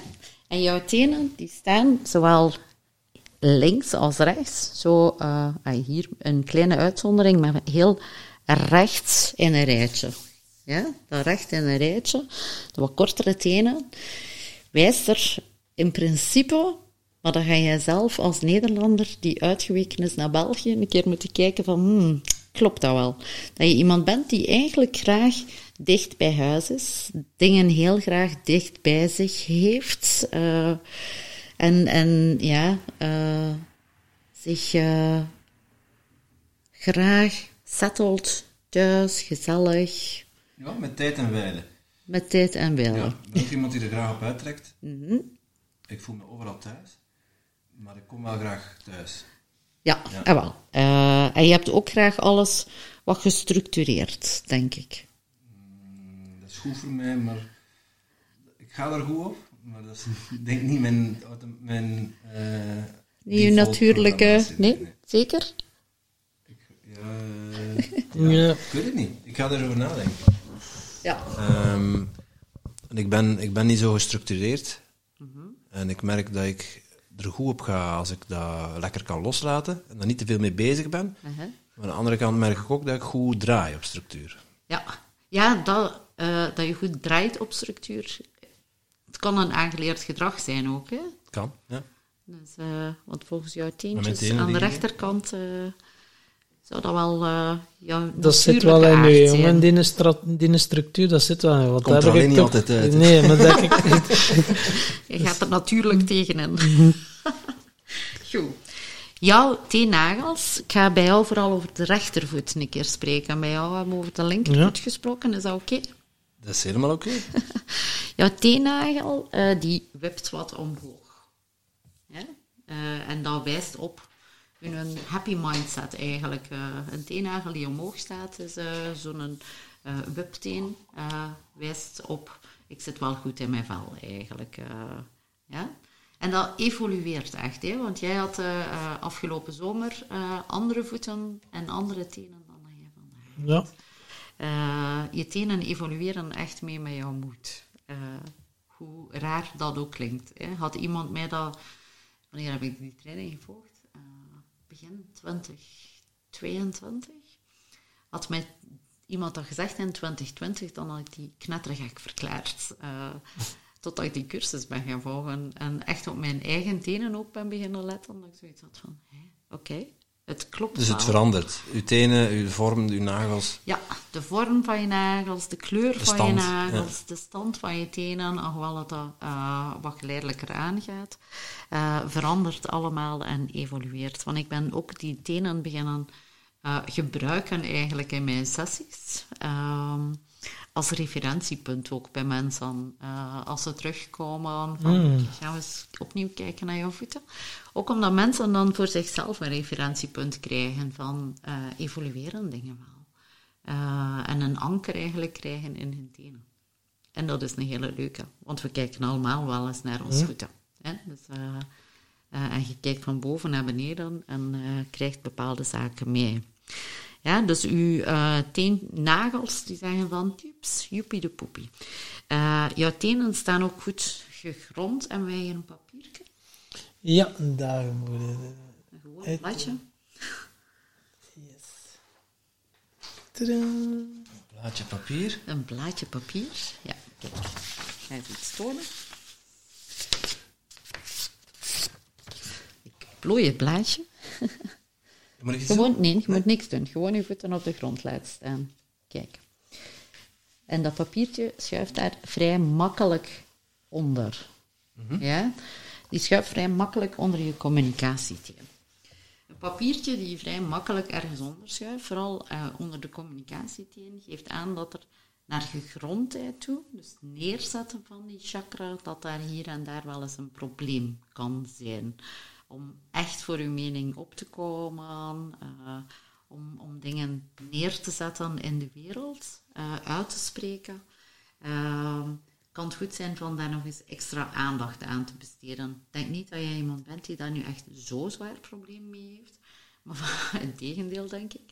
Eh, maar van nature staan, eh, staat jouw communicatieteen een beetje de lucht in, aan, vanuit het hoofd. Ja. Niet vanuit de emoties. Ja. Ik vind indruk dat jij vrij makkelijk over jouw emoties praat. Dat is een meevaller. ja, ja, eh, ja en nee. Eh, dat is iets wat ik, wat ik ook eh, aan het ontdekken ben. Ik denk dat dat een leerproces is, lifetime learning. Ja, ik denk dat voor, voor allebei. Voor, zowel eh, over, de emoties praten als over eh, voor mijn mening opkomen. Ja, ik heb daar niet zo heel veel moeite mee. Mhm. Ehm, aan de andere kant eh, ben ik er eh, in, in 2022 ook achter gekomen, ik- in een burn-out terechtgekomen, dat ik mijzelf niet op de eerste plek zette. en, en dus daar altijd voor je eigen mening opkomen, ja, maar wat is die mening dan? Is dat dan wel iets wat mij brengt tot wie ik wil zijn of wie ik ben? Dat is een tweede. Ja. Dus dat herken ik wel, ja. Ja, oké. Eh, en dan zie ik ook dat je, eh, als je kijkt, hè, want daar straks al over dat rijtje, zie je, die, die zo mooi op rij staan, eh, maar aan je emotionele voet is dat een beetje anders. Daar is jouw ambitieteen eh, bijna even lang als jouw grote teen. Ja? Eh, wat dat wijst op veel ambitie. Dus eh, je hebt mensen met kortere, dat heb je op je rechtervoet wat meer. Dat die teen wat korter is dan die teen, als je dat heel goed gaat bekijken. En dat wijst erop dat je heel ambitieus bent, ook op liefdesvlak. Dat je graag aan, aan warm nest, eh, Zeker, ja. eh, et cetera. Ik zie weinig kleur eh, van, ah, weinig rode vlekken op jouw voeten. Dus in dat opzicht geef je mooi, want rood aan je tenen wijst wel vaker op, daar zit nog iets vast. Dat je vasthoudt. Eh, niet zoals die bubbel. Hè. Die bubbel is inderdaad die ambitie die daar zit, dat je wil neerzetten. Eh, maar rood wijst wel vaker op een kwetsuur eh, die heel pertinent aanwezig is. Ehm eelt wijst op zaken dat je afschermt. Hè, maar je hebt ook niet veel eelt op je voeten. Wel, hier aan de zijkant. Eh, zit er een beetje eelt. Eh, Toch wel, ja. eh, wat er ook wel op wijst dat je jezelf afschermt voor bepaalde zaken. Dus dat je toch nog aan het zoeken bent van eh, hoe zorg ik ervoor dat ik zelf niet gekwetst geraak eh, in de manier waarop dat communiceer over mijn gevoelens, bijvoorbeeld. Ja, dat helpt niet om met Tom aan één tafel te zitten. Daar kan ik me, daar kan ik me leven iets bij voorstellen. ja, goed. Uh, Maar dus uh, de tenen gebruik ik inderdaad ook de, bij de hypnosesessies, omdat we daar ook met idiomotorische responses werken. Jij weet wat dat is, Tom? Jij ook? Mm, nee. Nee? Nee, ik, ik ken al redelijk wat termen van... We gaan ons terug eh, een beetje instellen. Ja. Je bent klaar met de tenen, hè? Dankjewel. Ja. eh. Ja, ja. Dankjewel voor de mooie lezing. Nee, ik, ik, gaan we terug eh, wisselen van plek. Luisteraars horen dat verschil natuurlijk. Dat hier weer een beetje. Voilà, met een vertrouwde micro. Een beetje Gewoon trekken. Ah, oké, zo. Juist, kantelen met andere woorden. De stem en Tom met de voeten bloot. Dat is Ja. wel, eh, nee, de i- idiomotisch... Motorische responses, ja. Eh, dat zijn eh, wanneer mensen in, in hypnose zijn, in trance zijn, dat we eh, vragen eh, aan het onderbewustzijn of aan het hoger bewustzijn, afhankelijk van eh, waarmee dat je aan het werk bent, om eh, signalen te geven als je een bepaalde vraag stelt en dan kijken uh, welke signaal dat er komt om een ja-signaal te geven of een nee-signaal. Soms gebruik ik ook wel de stem. Ik laat mensen ook wel vaker spreken uh, tijdens een sessie. maar die idiomotorische responses die zijn over het algemeen veel diepgaander. Uh, want je kunt ze niet tegenhouden. Hè. Het zijn uh, responses die komen wanneer ze diep in trance zijn, uh, voor wanneer je vragen gaat stellen. Ik stel wel vaker vragen met, die met een ja of nee, echt gesloten vragen, dat in tegenstelling tot de pure coachingsvragen die zo open mogelijk mogen zijn, vind ik altijd wel zo wat zoeken naar het evenwicht daarin. Ehm, en dat we gaan vragen aan het onderbewustzijn van, oké, okay, geef mij nu eens een teken veel, ay, oorspronkelijk heb ik dat geleerd in de hand. Hè, van uh, uh, welke vinger ga je bewegen als ik, als ik een vraag stel waar dan ja uh, wel op antwoorden. en dan begint zeg, spontaan. Op wat voor manier kun je een suggestie geven? Kun je zeggen van valideren of checken bij een persoon of zijn onderbewustzijn daarin mee is? Uh, ja, en, en van onder, vanuit het onderbewustzijn ook van, uh, is nu ja of is nee? Ja. Ligt er een conflict met een mama bijvoorbeeld uh, aan de oorzaak van het probleem? Ja of nee. Hè, dan vragen we dus van een signaal zo op die manier te installeren. En in plaats van met de handen doe ik dat nu eigenlijk wel vaker met de voeten. Ah, ja. um, omdat het een mooie combi is die dan gemaakt wordt van te starten vanuit de voeten, van wat zien we van in de voeten, en dan de tenen te gebruiken als idiomotorische respons in plaats van de voeten. Ja, je gaat eigenlijk voorbij dat kritisch denken, ja. waardoor dan de antwoorden vanuit de handen bewust of vanuit het... Klopt en dan ga je mind er wel iets van vinden, maar ja, je lichaam ligt niet, hè. Ligt Die signalen zo van poek, en dan dus, verschiet je zelf van, hè. Ik zou eigenlijk liever nee willen antwoorden, maar je vinger zegt ja. En dan is dat jou. Ja, dan mag je dat stuk wel uh, gaan... Uh... Dan kun je dat stuk inderdaad oppakken, hè. Dus, uh, en ja, ik vind het leuk gewoon om dat vanuit de voeten te doen in plaats van vanuit de handen. Ja, dus, aparte ervaring. ja. Merci, dat is, interessant. Dat is interessant, hè, jongen. Dan kun je wat leren over ons voeten, hè? Dat geloof ik. Goed. Uh, ja, ik, ik zie, we naderen bijna de twee uur. Ik moet straks nog weg, dus we gaan niet al te lang meer rekken. Uh -huh. Maar uh, uh, ik ga wel met sokken trouwen, ik krijg koude voeten. ja, koude voeten is nooit interessant. Dus, ja. en het zijn lucky socks, hallo. Happy socks, ja, ja, ja. Um, ja, onze podcast gaat over geluk en over succes. Tenminste, dat is een rode draad die wij er proberen in te krijgen. Zo. okay, ooit een keer een concept bedacht, ja, hangen we eraan vast. Okay, we vragen aan iedere gast wat, wat, wat, zijn of haar definitie is van, uh, van geluk. Dus daar mag je mee beginnen. Mijn definitie van geluk is... Uh, dat is een moeilijke vraag eigenlijk. Ik heb daar nog nooit op gelet dat die vraag daar uh, iedere keer zo uitdrukkelijk in ah. aan bod komt. maar wat is gelukkig zijn? Is in eerste instantie gezond zijn. Um, en je goed in je vel voelen. Um, geen materiële dingen noodzakelijk uh, nodig hebben om je goed te voelen. Alhoewel ik wel geleerd heb dat genoeg materiële zaken hebben ook wel een bron van geluk is. Um, ja, het is gewoon een, een staat van zijn. Je goed voelen, je gerespecteerd voelen door niet alleen jezelf, maar ook de mensen rond je. De juiste mensen rond je hebben. En dan kun je echt wel gewoon gelukkig zijn met wat, met wat dat er is. Hm. Dus ja, voor jou is het ook ja, een staat van zijn. Ja, een gevoelstoestand, absoluut. geluk. Van... Ja, daarom dat het ook zo moeilijk is om dat te definiëren, mhm. inderdaad. Van, uh, wat is gelukkig zijn? Ja, we kunnen die... Heel individueel, hè. En ook dat, dat is net als de tenen misschien. Uh, ik denk dat dat evolueert in de tijd. Wat je nu definieert als geluk, hoeft niet per se hetzelfde te zijn als dat je een jaar geleden of volgend jaar op die vraag gaat antwoorden. Of misschien volgende week. Dat, en ik denk dat dat inderdaad ook heel tijdsgebonden is. Daar heb je absoluut een punt. Uh, afhankelijk van wat dat je meemaakt uh, die dag, die week dat je inderdaad een ander accent gaat leggen van uh, wat is gelukkig zijn. Uh, gelukkig zijn is, ik zit momenteel met een frozen shoulder bijvoorbeeld. Hè. Uh, deel van mijn geluk zou zijn dat ik uh, daar geen last niet meer zou van hebben. Hè. Het zou mij absoluut gelukkig maken. En, ja. Wat wil hij zeggen? Hè? De boek staat, die tot uh, zelfbevrijding. Uh, kun je misschien een keer... Uh... Ja, wel. het is inderdaad eentje om ook daar... en het is links, hè, dus emotie gelinkt. En je bent er inderdaad wel mee bezig van wat zit erachter. er zit best nog veel achter, merk ik, want het blijft wel wat aanslepen. ondanks het feit dat ik er ook wel mee bezig ben. zowel vanuit het bewustzijn als vanuit het fysieke... Ehm, want het niet mee bezig zijn van op fysiek vlak merk ik dat dat geen uh, optie uh, niet meer is. Uh, ja, pijnvrij zijn is, is, als je daar dan echt begint op te focussen, dan heb je van wat is geluk? Ah, pijnvrij zijn, ik wil geen pijn meer hebben.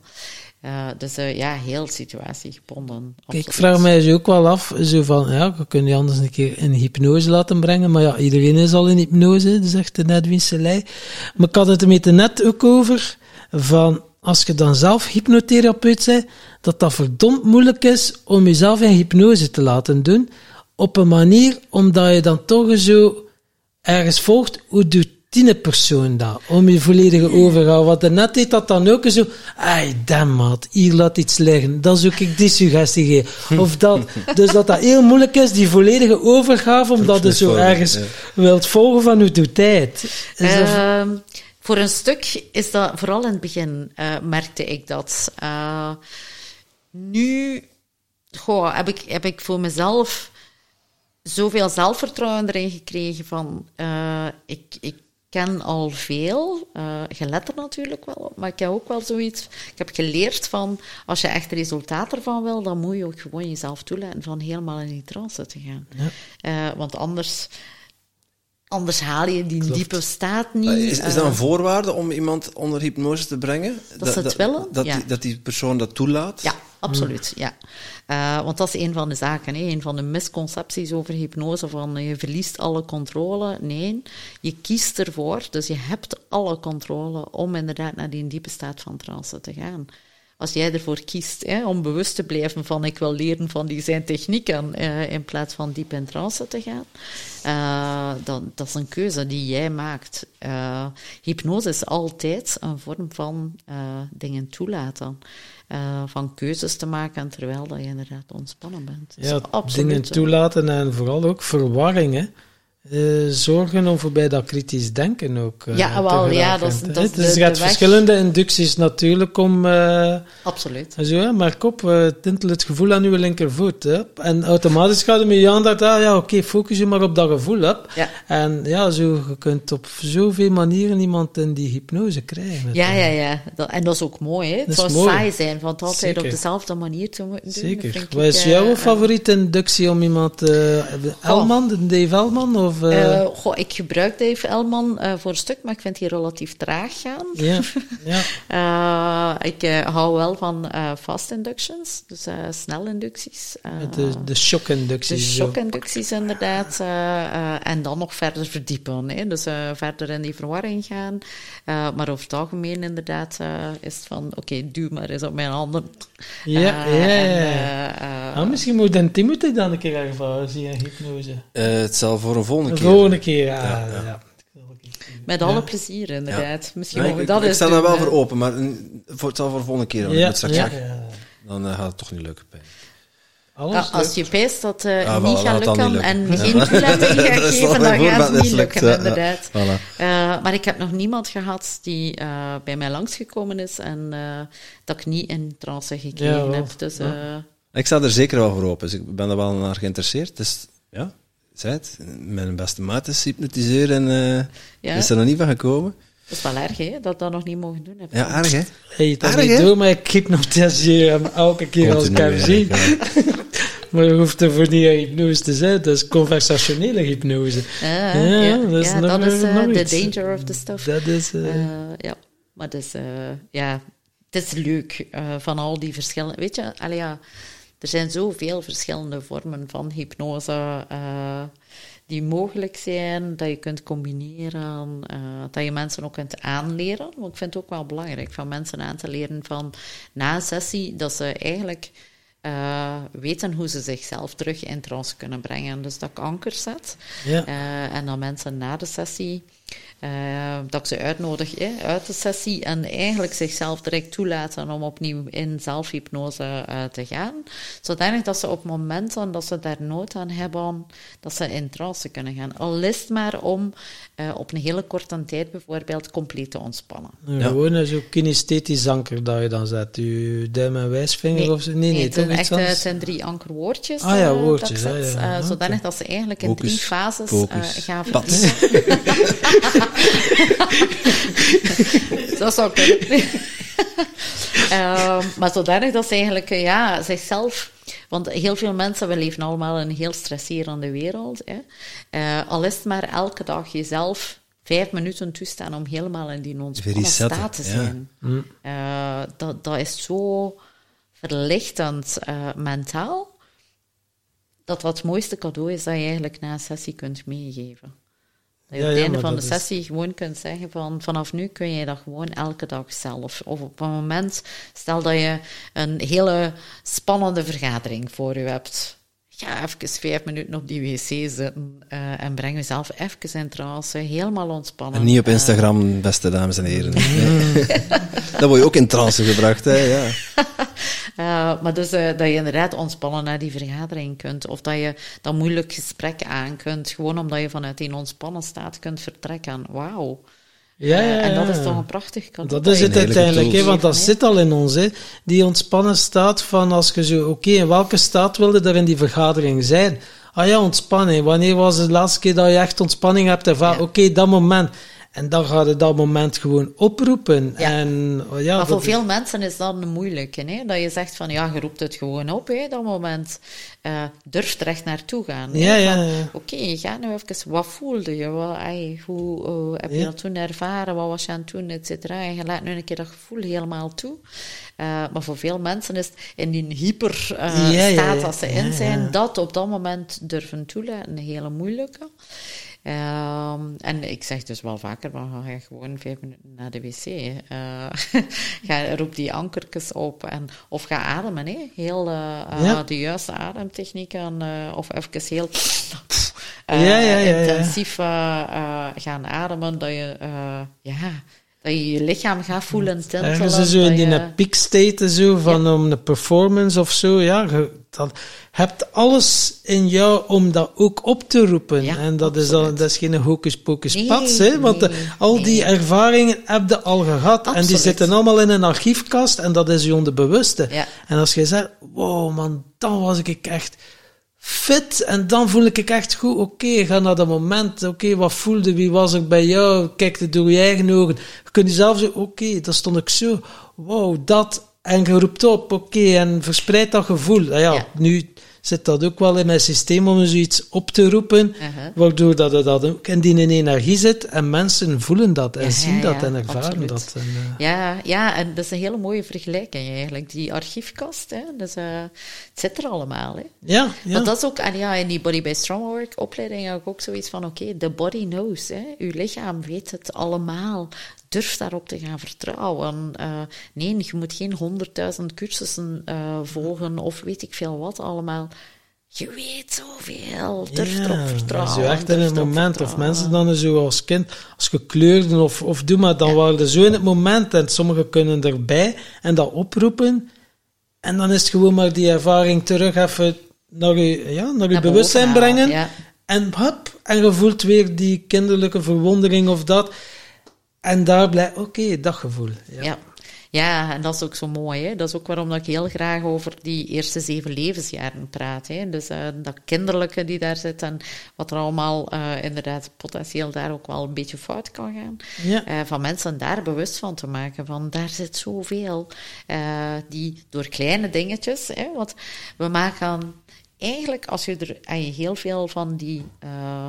Problemen waar dat we mee rondlopen, of van die uitdagingen, hoe dat je ze ook wel noemen, eh, zijn gelinkt aan hele kleine dingetjes die ons overkomen zijn ook. Hè. Dat gebrek aan eigenwaarde bijvoorbeeld, dat komt uit een opbouw van allemaal pietluttigheden, dat je, Ja. als je ze allemaal individueel gaat bekijken, denkt van, mo. eh, Heb je daar nu een trauma van? ja, wel. Hè? Dus, eh, Uh, trunten zo niet. Hè? Dus, Ja. eh, eh, maar als je het gaat bekijken, dat je zoiets hebt van, ja, maar op dat moment was dat inderdaad voor mij eentje die een serieuze eh, klap aan, Ja, aan mijn zelfbeeld uitgelachen gegeven worden, zoals een eh. kindje, als je daar iets moet zingen of iets moet doen en de klas lacht. Ja, dan kan het zo dramatische gevolgen hebben. Dat Hans uw leven u ja, gewoon geen expressie meer geeft en je altijd wegsteekt en niet, het niet uit. Ja, de, de gekste dingen. Hè. Ehm, ik, eh, uit op mijn eh, verwondering heb ik zo heel veel dames die bij mij langskomen, die eh, moeite hebben om naar buiten te gaan omdat ze schrik hebben dat ze geen toilet gaan vinden. Ja, dus, eh, eh, en die dus echt gestresseerd daardoor naar buiten gaan, eh, die heel snel gaan winkelen, omdat ze weten van ik ben in de winkel en hier is geen wc. En dat in een paniek ontstaat. En zo vaak is dat terug te brengen naar één klein evenement in een kleuterklas, in een eerste leerjaar, et cetera. Dat je dan inderdaad door dan naar het bewustzijn te brengen, dat ze zoiets hebben van, oh ja, maar eigenlijk. Hè, dus... eh, maar het is mij al opgevallen hoe vaak dit voorkomt. Ja, je herinnert dan dat feit misschien niet meer, maar de strategieën die je onbewust continu keer op keer hebt toegepast, die zijn er zo diep ingesleten dus eigenlijk, dat je, dat je bijna niet anders kan. Uh, goh, ja, vaak, vaak is dat uh, gelinkt aan een moment die bijvoorbeeld in het eerste leerjaar dat je toch in je broek plast omdat je niet naar het toilet mocht, bijvoorbeeld, mm -hmm. van de juf. Hè? Dus, uh, of van de meester, afhankelijk van. en de interpretatie daarvan, van dat gaat mij opnieuw overkomen, hè? want je wordt ontzettend uitgelachen op dat moment door uw medeklasgenootjes, de leerkracht of de, de juf heeft zoiets van, hoe kan dat hier nu? Uh, en je wordt belachelijk gemaakt en gekleineerd. En je hebt daar zo, je draagt dat mee. Hè? Uh, eerst ben je zo beschaamd dat dat gebeurd is, dus je gaat het voor jezelf verdringen, maar je hebt eronder liggend zo van ze gaan mij weer uitlachen of het gaat mij weer overkomen, ja. want ik zat daar in een situatie dat ik er eigenlijk niet kon aan doen, dat ik niet naar, ik kon niet naar het toilet. Uh, ik had het niet zelf in de hand. En uh, dan komt in de winkel en die angst ontstaat van weer met zo'n situatie geconfronteerd te worden. Van, je moogt niet naar het toilet, je moogt niet naar het toilet. Hè? En dat draait. Dat programmaatje draait Constant. onbewust. Hè? Om en je te genereert hij vandaag inderdaad, inderdaad om je te beschermen. Van let op dat het niet weer gebeurt. Ja, ja hè? want dus, dat ja. is het gevoel. Want als je bijvoorbeeld met je ma zo als klein jongetje of klein meisje loopt op de straat en dan ze zegt, hey, pas op, een hond. Huh?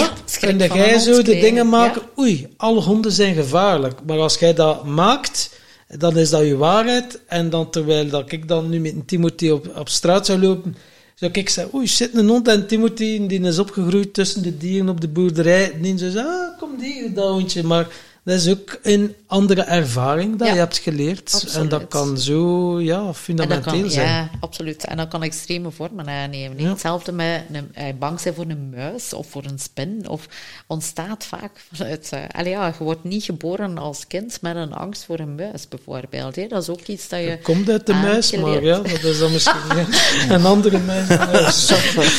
We zijn op nu dat niveau de muis naar de ja, poezen. Dus ik vrees dat we moeten afsluiten. En wat bedenk je maar een keer vraag voor een andere. We, waren bij, we waren bij geluk gebleven. En succes? Ah ja, had ze dat nog niet gezegd? Nee, inderdaad. Ah, Wat is succes voor mij? Succes is eh, als ik mijn plekje mooi mag innemen. Dat vind ik een hele eh, mooie Dat is ondertussen. wel een mooie. Ehm, en, en gewoon mezelf mag zijn eh, en mij daar goed bij voelen. Dan eh, ben ik succesvol. Ja, dat is een mooie definitie. Mooi, nee, dat hebben we nog niet plekje gehoord. mag innemen, ja. Dat is een hele mooie. Ja. Oké, en als haar vraag voor de volgende gast even mooi gaat zijn, dan zijn we... Dan zijn we vertrokken, Dan hè, zijn we maat? vertrokken, maat. Ja, dat ben Dan gaan we als podcast toch nog een succes worden. Ja, ik ben, we zijn begonnen vanuit angst. Eh, ehm, je plekje innemen is voor mij een hele belangrijke. Eh, dus ik zou van de volgende gast ook heel graag willen weten van eh, wanneer weet jij hoe dat je echt helemaal jouw eigen plekje hebt ingenomen. Weet je? Hoe weet jij of hoe voel jij? Ja, wanneer eh, weet jij, wanneer je helemaal je plekje, helemaal je plekje hebt ingenomen? De vraag stellen en ze beantwoorden.